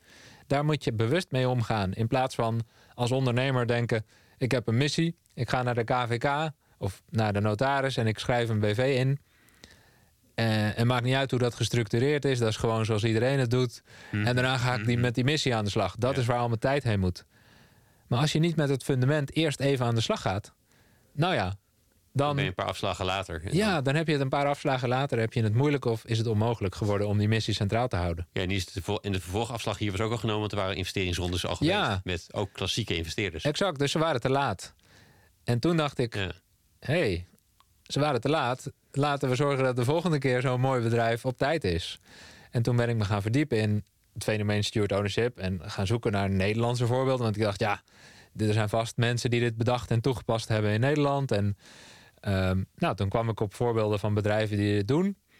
Uh, klein en groot. Uh, uh, bedrijven die het net waren doen. En bedrijven die het al decennia deden. Maar ook in het buitenland mooie voorbeelden. En toen dacht ik, hé, hey, dit is een soort, in het luwte van het kapitalisme is dit een soort fenomeen wat te weinig zichtbaarheid heeft gekregen. En ja, ik heb eigenlijk een beetje toen mijn missie ervan gemaakt om te kijken hoe we daar verandering in konden brengen. En daar is uiteindelijk Stichting We Are Stewards uit ontstaan met als doel om de adoptie en ontwikkeling van steward ownership te stimuleren in Nederland. Het is ironisch natuurlijk dat jullie zelf niet stoer, een steward ownership bedrijf zijn, maar, nee. maar een stichting, ja. Exact. Ja, dus nou ja, weet je wel, we, we, hebben, we hebben niet een commercieel doel, maar we hebben een, ja, we willen gewoon, we hebben een non-profit doel, zou je kunnen zeggen. Dus uh, we zijn zelf inderdaad niet steward-owned, we zijn een non-profit. Um, ja, en daar uh, werken we nu met een team van vijf aan. En dat is, uh, nou ja, opnieuw een soort wereldveranderend iets, zoals crowdfunding dat 15 jaar geleden ook was. Hey, maar dit, dit, is, dit is volgens mij gestart in de tijd dat jouw post-studententijd wensen qua inkomen intussen wat gestegen waren waarschijnlijk. Want die zijn net je zoontjes vier. Dit is ongeveer zo. Zo lang zijn jullie ongeveer bezig. Dus ja. je had opeens met een zonder commerciële missie... je moest iets nieuws bouwen. Je was vorige af, had je afgerond. Je moest, je moest nu ook echt aan de bak om wat te verdienen, neem ik aan. Hmm. En, dit is, en nu begin je weer met zo'n uh, voor de troepen vooruit. Uh, hmm. met, een, met een gek idee wat, uh, wat met een paar aanhangers wereldwijd, maar nog niet zoveel. dus dus hoe ben je dat gaan vormgeven? Ja. Nou ja, uit de crowdfunding tijd had ik een beetje spaargeld. Dus dat ben ik op gaan maken. Ja. weet je wel, dus gewoon uh, zoveel mogelijk tijd erin gaan steken. Dus in die zin, hè, we zijn een stichting, dus een non-profit. Maar ik ervaar het op dezelfde manier als gewoon ondernemen. Ja. Al je tijd geven en zorgen dat het iets wordt. Um, en um, ja, nu, nu, we, we, hebben voor Stichting We Are Stewards een aantal donateurs die ons werk mede mogelijk maken. Waardoor de mensen die er tijd aan besteden, waaronder ik, een salaris ontvangen. Ja. Uh, zodat we in staat worden gesteld om die tijd er ook in te steken. Ja, dat helpt wel. Ja, dat, dat is een randvoorwaarde, weet je wel. Um, en um, ja, maar weet je, fundamenteler en belangrijker. Um, ik ben christelijk opgevoed. en wat ik daar aan over heb gehouden is. Uh, en ik heb daar een hele zoektocht zelf in gemaakt, ook tijdens mijn studietijd. Uh, wat ik daaraan over heb gehouden is het idee van, van een hemel. Hmm. En uh, dat je iets kunt doen om daar terecht te komen. En wat ik denk dat je kunt doen om er terecht te komen, is van de aarde proberen een hemel te maken. Dus de tijd die je, die je hebt gekregen, het enige wat je echt hebt, is tijd. Weet je wel? En je weet niet hoeveel. je hoopt zoveel mogelijk of genoeg of niet te weinig. Um, ja, wat mij heel erg drijft en wat ik, wat ik als een enorm geschenk, ja, echt een enorm geschenk ervaar, waar ik heel blij mee ben, is die tijd en dat je kunt doen wat je wil. En dat je dus kunt proberen om hier een beetje de hemel te creëren. En ehm, ik heb in de dingen die ik dan in mijn werk doe, ervaar ik dat. De vrijheid om te doen wat ik belangrijk vind. En helemaal niet de drive om iets te moeten doen waar ik genoeg mee verdien. Ik zie het echt als alleen maar een randvoorwaarde. Ja. Waarin het heel fijn is om te zorgen dat je niet te veel kosten hebt. Want wat ga je doen als je heel veel verdient en dus heel veel kosten hebt? Dan ga je waarschijnlijk uh, meer uh, de, de planeet uh, benadelen. Ja, um, ja, ja. ja, daar is gewoon een sterke correlatie. En ik denk dat ik dat zelf ook zou doen. Ja, dan... Dus ook hier ben je eigenlijk het, het fundament daarbij, een soort van fundament equivalent. Want anders moet je weer gaan winst maximaliseren, hè? een soort van met je eigen tijd. Ja, precies. En, en er zijn mensen, die, dit, dit is hoe het voor mij is. Maar er zijn natuurlijk ook mensen die in staat zijn om wel een drive te hebben om veel te verdienen. Um, en daar dan hele goede dingen mee doen. Hè? Dus je hebt uh, mensen die dan zoveel mogelijk weggeven. Hè, de, nou ja, um, ik heb dat zelf niet. Ik, heb, weet je wel, ik heb besloten dat mijn tijd mijn, uh, mijn ja, ja, tool is, precies, zeg maar. Precies.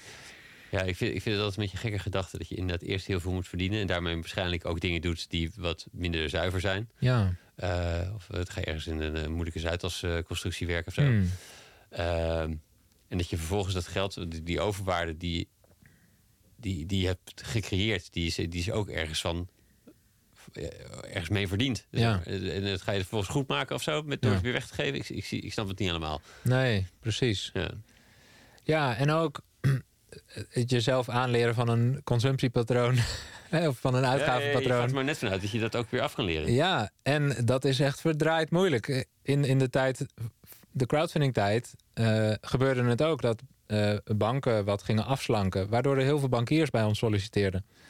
En wij konden hen helemaal niet het salaris bieden wat ze daarvoor hadden. Nee. En zij konden gewoon... ze wilden misschien wel graag bij ons aan de slag. Um, maar ja, als wij hen niet het salaris konden bieden wat ze bij de bank ook hadden, ja. dan was hun leven niet volhoudbaar. Zo, dus ik, ik zag echt hoe mensen vastzaten in uh, geld beperkt aan je vrijheid, in ja, plaats van dat het vrijheid geeft. Ja. Ja, Nou, ik krijg echt een soort benauwd gevoel, weet je wel. Ja. Ja, ja. Ja, het is net, het is slim dus eigenlijk ook gewoon om jezelf daarvoor te beschermen. Dat, dat raakt weer aan de, de keuze om een bedrijf bij het fundament goed in te richten. Dat je niet, uh, ja, die ene aandeelhouder, ja, maar die kan ook veranderen van persoon of, ja. uh, of verhandelbare aandelen. Dat is helemaal veranderlijk natuurlijk. Um, hey, hoe, hoe zijn jullie? Je bent natuurlijk gaan zoeken en je, volgens mij zijn er als je, als je jullie beschrijven drie hoofd, hoofdvormen, zeg maar, uh, van, um, van steward ownership. Um, wat zijn wat zijn in de.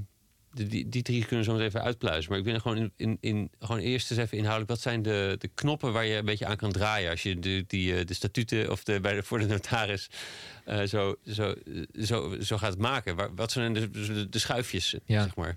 Goeie vraag. Ja, wat je bij steward ownership doet, is dat je opnieuw um, het eigendom ontwerpt, dus van een bedrijf. En normaal gesproken zit in, uh, in eigenaarschap, in aandeelhouderschap, zitten heel veel rechten samen. Uh, het feit dat je kunt stemmen, dat je uh, zeggenschap hebt over wie de bestuurder van die onderneming is, bijvoorbeeld. Ja.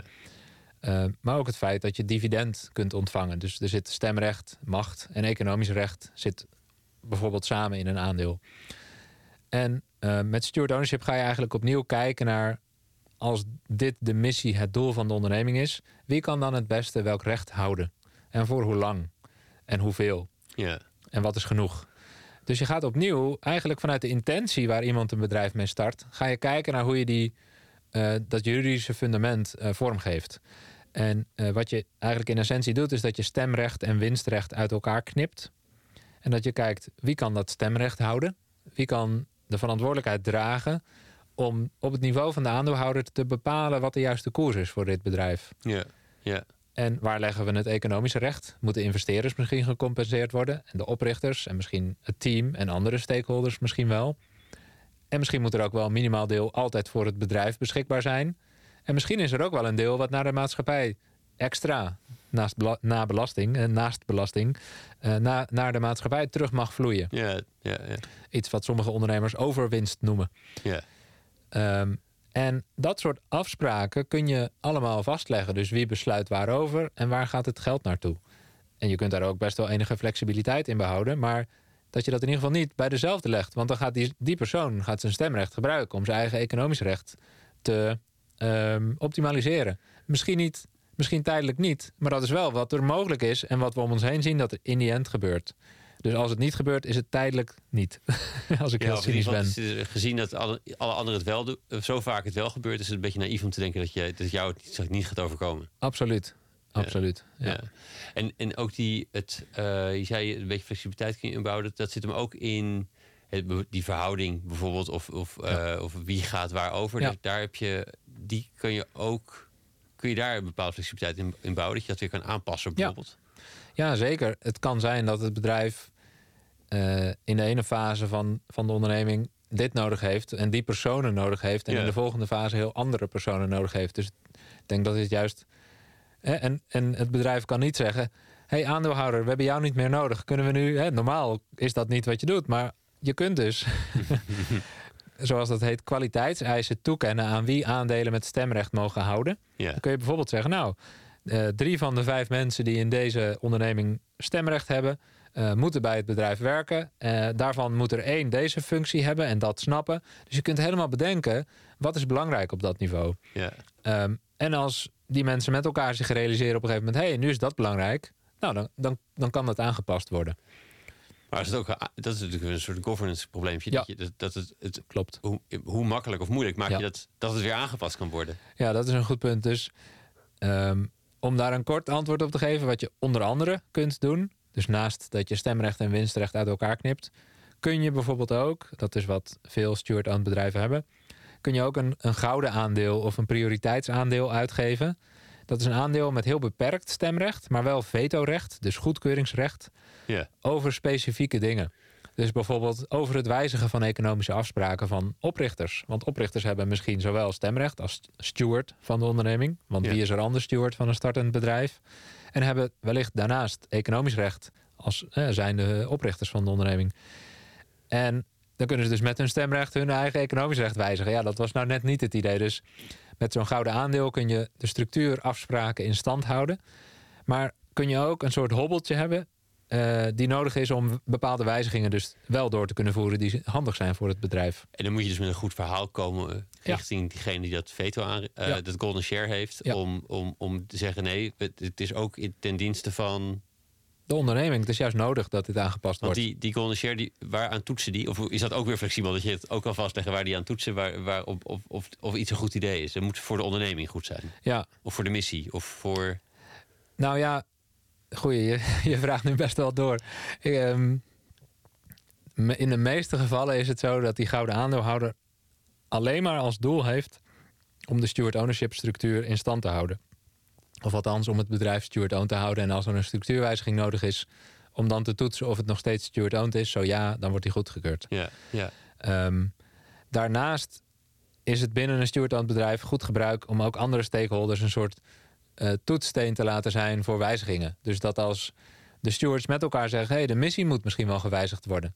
Dan misschien is het dan wel belangrijk voor een bepaald bedrijf dat de klanten dat ook vinden. Hmm. Um, en is het weer de borging van de gouden aandeelhouder die zorgt dat die toetsing moet plaatsvinden, dat dat niet overgeslagen kan worden. Ja. Uh, terwijl die gouden aandeelhouder snapt het bedrijf en de markt van dat bedrijf niet goed genoeg, maar wel de structuur. Ja. Um, dus je knipt best wel veel dingen uit elkaar. En er zit ook een zekere complexiteit in. Maar eh, je creëert eigenlijk de complexiteit die nodig is om als, als bedrijf verantwoord te handelen in de maatschappij. In plaats van dat je alles op die ene persoon met een zak geld legt. Want een zak geld is in een conventionele structuur de enige kwaliteitseis voor het wel of niet kunnen zijn van aandeelhouder. Ja. En is dat nou de beste toets van verantwoordelijkheid? Ja, ja exact, exact. Ja, je zegt het wordt complexer en dat, dat, is, dat is ook zo. Uh, het wordt, je moet opeens over allerlei dingen nadenken ja. waarover je. Uh, uh, nou ja, in het starten van lekker starten van het bedrijf helemaal niet over wilt nadenken of je tijd aan wil besteden. eerst maar eens klanten of iets dergelijks. Ja. Ehm, maar het is een beetje zoals elk notarisbezoek. Tenminste, de, de, de notarisbezoeken die ik gehad heb, gaat toch over, vaak over dingen waar je überhaupt niet over na wil denken. Namelijk dat, dat je, wat, wat gebeurt er met je kind als, je, als jij en je partner allebei sterven, et cetera. Hmm, hmm. Dus ook dat is een beetje het, het. Je moet een soort van denkoefening doen voordat het puntje bij paaltje komt. Ja, Eh, en dat. Ja, dus, het- dus het, is, het is toch een soort van vingervlugheid die je er maar in te ontwikkelen hebt om, eh, om hier iets slims over te kunnen gaan doen. En dat, en dat is misschien een groot deel van jullie werk. Het, eh, Ja. uitleggen, wat zijn die knoppen eigenlijk? Hoe werkt dit? Eh, precies. En sommige ondernemers vinden dat heel leuk om dan wel een bewuste keuze te gaan maken. je bedoelt de detail-georiënteerde mensen zoals, Ja. zoals jij was. ja. Ja, maar bijvoorbeeld ook iemand die bijvoorbeeld op het punt staat... of op het punt die toewerkt naar met pensioen gaan... Hmm. 40 jaar aan het bedrijf gebouwd heeft... die wil misschien juist best wel veel moeite doen om het goed achter te laten. ja. Dan zit, dan zit je in een andere wedstrijd dan wanneer je een bedrijf start... en alle tijd wil besteden aan eh, break-even eh, behalen, ja, zeg ja, maar. precies. En dus ook, ook weer, dat kan ook alleen maar voor die, die bedrijven dan die het tot die tijd zo centraal ge- eh, Ja, gehouden hebben, die precies. aandelen. Dat is een beetje Patagonië is daar een voorbeeld van natuurlijk. Exact, Ja. precies. Dus die hebben dan het geluk dat ze nog in hun eentje of met een klein groepje aandeelhouder zijn, dus deze stap kunnen zetten. Ja. Ja, je hebt gelijk. Ehm, ja, en ehm, we werken ook wel toe, en daar zijn we nog niet, nadat er blauwdrukken zijn. Dus eh, hè, dat je niet op elke vraag helemaal zelf moet bedenken wat het antwoord moet worden. Wat we nu doen als iemand denkt of zegt, weet ik veel. dan zeggen we nou, je kunt bijvoorbeeld zo, zo of zo. Of die heeft het zo gedaan, die zo, die zo. Ja. Dan weet een ondernemer vaak ook wel, oh ja, nee, ik identificeer me het meest met die ondernemer of met die oplossing. Ja, zo'n soort van, het is een soort- het klinkt als een soort vragenlijstje. Ja, Met, met voor- en nadelen van Ja. keuze schetsen. en meestal, maar we doen het liefst met open vragen. Van wat zijn je doelstellingen? Wat wil je? Wat is genoeg? Hoeveel heb je nodig? Ja, en als iemand dan drie keer zegt, weet ik veel, eh, en geïrriteerd begint te raken. Ja, jullie weten toch hoe steward ownership werkt. Zeggen jullie het maar. Nou, je bepaalt het wel echt zelf, maar dit is hoe je het bijvoorbeeld kan doen. En wat vind je daarvan? Ja, ja, Eh, maar we willen niet te veel primen, niet te veel sturen. Ja, of in ieder geval, ja, het is een beetje lastige balans inderdaad. Je wilt natuurlijk dat het eh, opgepakt kan worden. Ja. Tegelijkertijd wil je dat het, dat, dat ze juist, is het, is het ook juist de kans om het goed erover na te denken. Ja, exact. Ik denk over vijf jaar dat er eh, meer, hoe noem je dat, antwoorden gevonden zijn die een beetje mainstream zullen worden. Waardoor je minder hoeft door te denken als je dat niet wil. Ja, weet je wel? ja, ja. ja. Ja, ik, ik bedenk aan die soort van verzekerings... Wat is het? Nee, of de, ook soort van notarispolissen polissen die kan samenstellen op, weet ik veel, op HEMA.nl had dat volgens mij, of heeft, Hmm. had dat volgens mij ook zelfs. Dat je, en dat je gewoon doorheen klikt, dat je eigenlijk gewoon een soort standaard formuliertje bijna krijgt, wat gewoon in elkaar gezet wordt zo. Zoiets, dat zou toch, zou, zou toch handig zijn. En dan wel, maar wel dan met een goede uitleg erbij, zeg maar, dat je weet waar je voor je tekent. ja, ja, ja. Dat is natuurlijk wel erg belangrijk. Hey, even, even een, er zijn ehm, nee, twee dingen denk ik nog voordat we gezien de tijd. Ik denk dat de, de- alle details. eh, We, kunnen, we hadden het hiervoor al over, over de, een andere podcast die je deed bij de Ecosofie. Eh hij heet Marnix, geloof ik. Ik ken zijn achternaam niet. Het is een beetje raar om met, met Marnix aan te spreken. Maar hoe dat, eh, dat. En nog veel meer daarin door te pluizen. Hm. Uh, ik, ben, ik ben even benieuwd naar. Er zijn dus nog een paar. Misschien kritieken die er vaak op, op zouden kunnen zijn, zeg maar. En wat jou, jou- jouw zicht daarop is. Bijvoorbeeld dat, het, dat je de financiële incentive nodig hebt om goed te zijn in competitie. ja. Uh, hoe denk je daarover? Ja, ik, dat is absoluut een dimensie. Hè? Een financiële incentive kan mensen eh, helpen om eh, beter hun best te doen. Tegelijkertijd willen we denk ik juist dat we iets minder dat als enige drijfveer gaan beschouwen. Weet je wel, dat heeft de wereld denk ik nodig. Steward ownership maakt niet, maakt niet die im- dimensie onmogelijk. Dus je kunt hem combineren met steward ownership. Ja. Je, je maakt hem alleen... ehm, je maakt duidelijk afspraken over wat passend is en wat genoeg is. En wat niet ten koste van de missie is of te veel is, zeg maar. Ja, dus het Ehm, hangt daar een beetje af met net wat, wat de bedoeling is of wat de missie is. En dat Ja. een bedrijf als Bosch bijvoorbeeld is, is steward-owned. Ja. En uh, dat, die hebben misschien niet vastgelegd dat ze, dat ze circulair moeten bouwen of iets dergelijks in hun Nee. missie. En, Nee. uh, of maar, maar ze zijn wel goed in competitie. Ja. Want ze zijn gewoon een goed draaiend bedrijf, volgens mij. Ja, precies. En enige tijd terug, in, in een eh, een podcast die we zelf ook eh, opgenomen hebben, spraken we de bestuursvoorzitter van TBI. Dat is een bouwbedrijf. Een van de twee grootste steward-owned ondernemingen in Nederland. De andere is Triodos, neem ik aan. Eh, nee, de andere is eh, Remea. Oh. Een eh, fabrikant van cv-ketels en warmtepompen. Oké, ja, ja, ja. Ehm, ze zijn ongeveer even groot, Remea en TBI. En in beide ondernemingen werken zo'n 6000 mensen en ze hebben zo'n 2 miljard omzet, allebei. Ehm, en aan die bestuursvoorzitter van TBI vroegen we: hoe kan het toch zo zijn dat er niet een groep aandeelhouders is die jullie achter je broek aan zit om je best te doen en om te zorgen dat het ja, financieel ook goed gaat met deze onderneming? En toen zei hij: Ja, hoe denk je dat het dan zou werken als dat wel zo zou zijn? Denk je dan dat wij wakker zouden worden met het idee van: Nou, laten we nu eens lekker geld gaan verdienen voor, voor die belegger die we eigenlijk niet kennen? dat is helemaal niet de motivatie die mensen stuurt. De motivatie die mensen hebben die bij TBI werken, is om iets moois te maken wat ze vanuit hun eigen drive graag willen. Dus eigen verantwoordelijkheid, eigen interesse, eigen bewegingsruimte. Uh, ja, veel meer als mens dan als radertje ook kunnen werken, zeg maar. En toen vroeg ik, en hoe is dat voor jou dan? En toen, ja, dat is gewoon natuurlijk niet anders dan dat. dus en ik wist misschien ook wel een beetje het antwoord. En ik vertel dit ook aan andere ondernemers. Maar um, ja, weet je wel, we lijken te denken, of er lijkt ons verteld te zijn, dat die financiële incentive een soort unieke gouden sleutel is om te zorgen dat zowel mensen als bedrijven goed presteren. Maar het is een sleutel. Maar het is helemaal niet de enige sleutel. Nee, zeker als je de keuze hebt als ondernemer in het begin om een fundament te leggen, wil je dan dat er dat je, dat je werkt naar een structuur waarbij er waarschijnlijk iemand.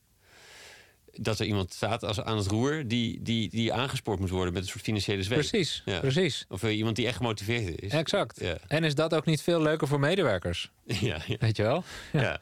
Ja, mag het open. Ja, alleen het is ongrijpbaarder. Het, je laat dus een bepaalde controle weg en geeft verantwoordelijkheid terug. Ja. En als er anonimiteit in het spel is, dus mensen die dan denken van als je aandeelhouder of belegger bent, dan geloof je helemaal niet dat dat zou kunnen werken. Want je laat een touw los en je kunt het nooit meer vastpakken, dat touw. Ja, dat is spannend. Super spannend. Ja. ja, dus voor de ondernemer zelf in het begin is het misschien minder spannend. Maar als je het, als je het gaat om, om, om bij een bestaand bedrijf uh, opeens moet gaan voorstellen hoe dat zonder zou zijn, wat al jaren zo. Hmm. Ja, dan ga je dus een beetje tornen aan de dingen die succesvol hebben gemaakt, mogelijk. Hmm. Of misschien qua beeld. Ja, ja, ja interessant. uh, hey, je, je, zegt, er zijn een stichting met, met, met, en ook uh, uh, hoe zeg je, actief, bijna activistisch een beetje. Hmm. maar je wilt niet pushen. Nee. zei je ook. Ja. Um, is, is, er, is er een, een het moet vanuit de, omdat deel zeg je voor zij het is ook een beetje voor het gesprek, maar dat, dat, dat, zij, dat moet uit de motivatie van de ondernemer komen. Ik bedoel, ik wil het iemand niet opleggen. Nee, absoluut niet. Maar zijn er wel bepaalde soorten ondernemingen of bepaalde type bedrijven waarvan je denkt, uh, daarvoor zou het wel echt heel goed zijn. Ik hoop dat hmm. die veel aanbellen bij, bij me. ja, absoluut. Um, ik denk als je een duurzame start-up start met een missie om de wereld beter te maken, hoe kan je dat doen als de aandeelhouder in die end de belangrijkste stakeholder is? En in het begin maakt dat natuurlijk niks uit, want dan ben je als oprichter de belangrijkste aandeelhouder. En is het überhaupt jouw intentie en tijd die maakt dat je aan die missie wil werken? Dus dan ja, is er geen, uh, is alles, overlapt alles. Ja.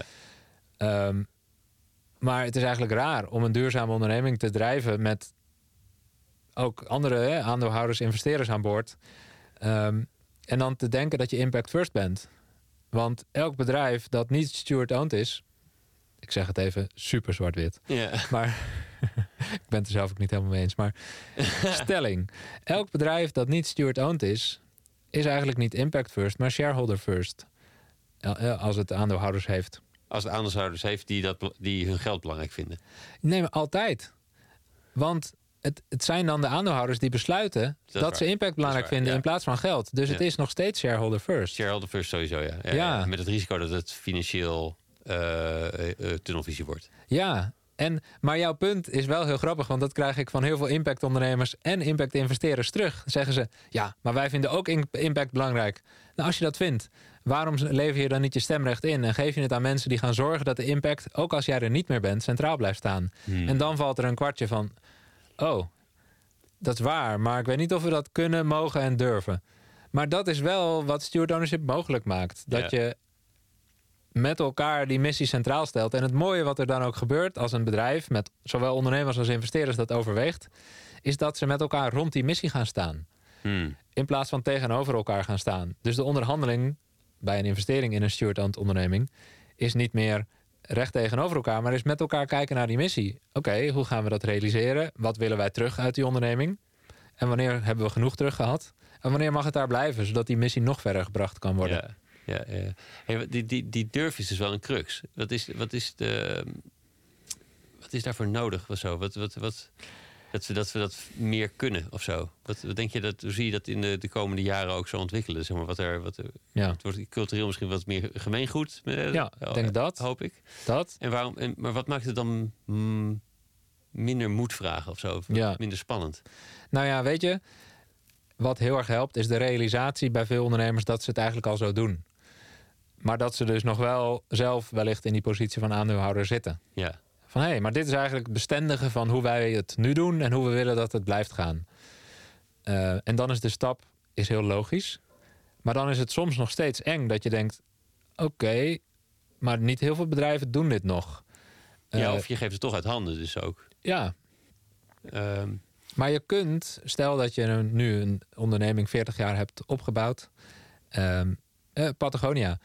Ehm, het is niet zo dat zij nadat ze het, de aandelen hebben overgedragen aan twee non-profits. dat ze niet meer bij die non-profits betrokken zijn. Dus ze hebben hun verantwoordelijkheid niet losgelaten. Ze hebben alleen bepaalde rechten niet meer privé. ja. Maar ze zijn nog wel met volle inzet betrokken daarbij. Ja, ja, ja, Ja. precies. Met ook, ja, in, eh, met misschien het risico dat ze dus, of de, de, als je de, de hoop dat ze daar ook zorg voor gaan dragen dat het niet van die privé-persoon afhankelijk is wie er, Nee. Er zo meteen in het bestuur mag. Dat is nu hun belangrijkste taak, denk ik. Zorgen dat het eh, los van hen verder kan. Ja, zo'n deeltje, het is een beetje, dat is ook een beetje fasering die misschien soms mogelijk is. Ja, dat je het in precies. stukjes eh, doet. Ja, helemaal eens. Ja, ja.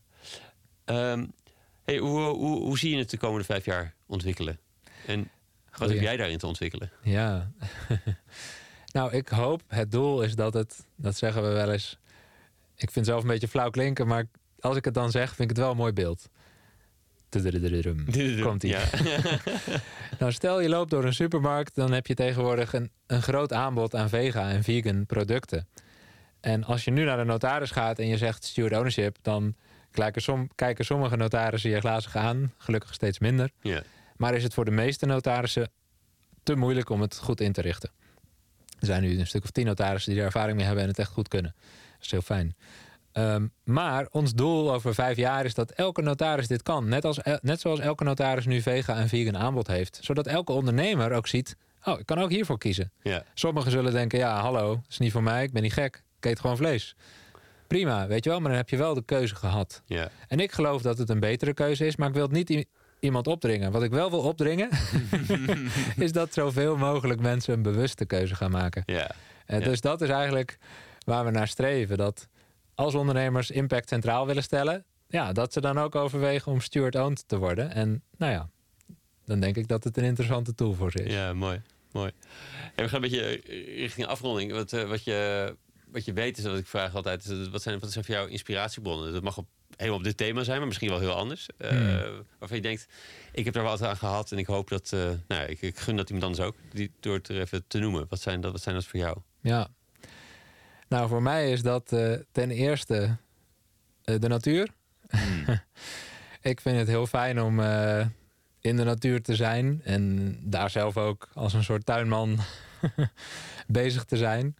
Soms denk ik ook dat dat is wat we als mens zouden moeten doen. Een soort onze context beperken tot de tuin waar we voor kunnen zorgen. En niet in een andere tuin.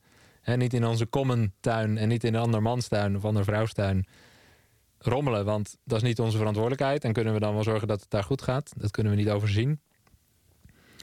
Ehm, maar eh, dat maakt ook altijd mijn hoofd heel erg leeg om in de natuur te zijn of Ja. eh, als tuinman bezig te zijn. Ehm, dus dat, dat geeft me heel veel. Ehm, ook dat dan je handen lekker vies worden, weet je wel? Want ja, ik zit toch veel achter de computer en uiteraard. Ja, wat draag je dan echt bij, weet je wel? Ja, ja, Wat doe je dan echt? Ehm, dat vind ik fijn om dat te relativeren. Iemand zei dat tegen me. Dat, ik, dat, is wordt een slecht verhaal, maar van, hij, hij heeft helemaal niks gedaan. Hij heeft alleen maar achter de computer gezeten. ja, precies. Nou, diezelfde vriend Paul, met wie ik s s'avonds soms parfum Ja, ging ruiken. Die zegt altijd over zijn baan: ja, het maakt toch niet uit wat je doet. Het is allemaal bellen, mailen en bijlages openen. dat is wel heel cynisch, maar ik vind dat ook een hele grappige manier om te kijken naar... ja, wat ben ik nou aan het doen Ja, op een ja, dag? Ja, bellen, laatste, mailen, ja. bijlages openen. Ja. Ehm, en ehm bijlages creëren soms. Ja. Oh no, moeten anderen ze openen. Ehm, ja, en weet je, een andere belangrijke inspiratiebron... die bedacht ik voor ons gesprek... en ik deelde hem net tijdens het gesprek al even... is dat boek van Victor Papenek. Design for the Real World. Mm. Dat heeft mij zo... ja, echt wel met beide benen op de grond gezet... in eh, het zien van eh, dat je verantwoordelijkheid zou kunnen nemen... als je dat wil, over wat je doet in je leven. En wat dat voor invloed heeft op anderen. Ja, en dat vind ik heel fijn. Om daar eh, ja, af en toe bewust mee bezig te zijn. Ja, mooi. Mooi.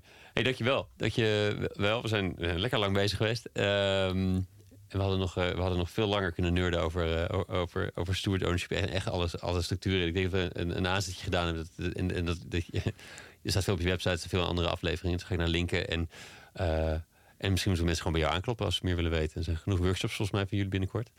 Dus, dus dankjewel voor je tijd, en, en, en, en, maar ook voor, de, voor, voor het werk wat je, wat, je, wat je erin stopt. En, en het doorzettingsvermogen wat je getoond hebt. En, en wat een beetje aange- aangeleerd is.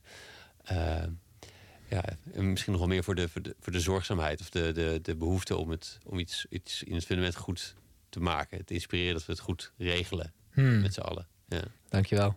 Jij ook bedankt voor dit gesprek. ja mooi. Thanks. Ja, dat was hem alweer. Heel erg leuk dat je helemaal tot het eind hebt geluisterd. Dankjewel. Abonneer je op de podcast om zeker te weten dat de volgende aflevering jou ook vindt. Wil je niet wachten, maar weet je niet welke aflevering je moet kiezen? Op de website vind je verzamelingen afleveringen rond verschillende thema's van het ondernemerschap. Zoals co-founderschap, visionairs die het systeem veranderen en het uitvinden van welke vorm van een bedrijf bij jou past. Deze vind je naast uitgebreide show notes met alle lessen en links van alle afleveringen op www.studiogeorge.nl slash podcast. En ik probeer in mijn interviews met mijn gasten de belangrijkste inzichten te ontdekken van hun reis als ondernemer. De kern van hun lessen kun je wekelijks tot je nemen door je in te schrijven voor mijn nieuwsbrief Shots of Strategy. Elke vrijdag deel ik daar of de drie belangrijkste inzichten van het gesprek, of een oefening, een tool of een deep dive in een leiderschapsthema van ondernemers. Schrijf je in op www.studiogeorge.nl slash shots allemaal aan elkaar. Als laatste, wil je groeien in je ondernemerschap? Ik help je graag om heel helder te krijgen wat je visie en waarden zijn. En om daar een bedrijf bij te ontwikkelen dat slim werkt, bij jou past en het impact maakt. Mix tussen coaching en advies. Een mix tussen business skills en persoonlijk leiderschap. Kijk op www.studiogeorge.nl slash coaching voor de opties. Heb een goede dag en tot de volgende.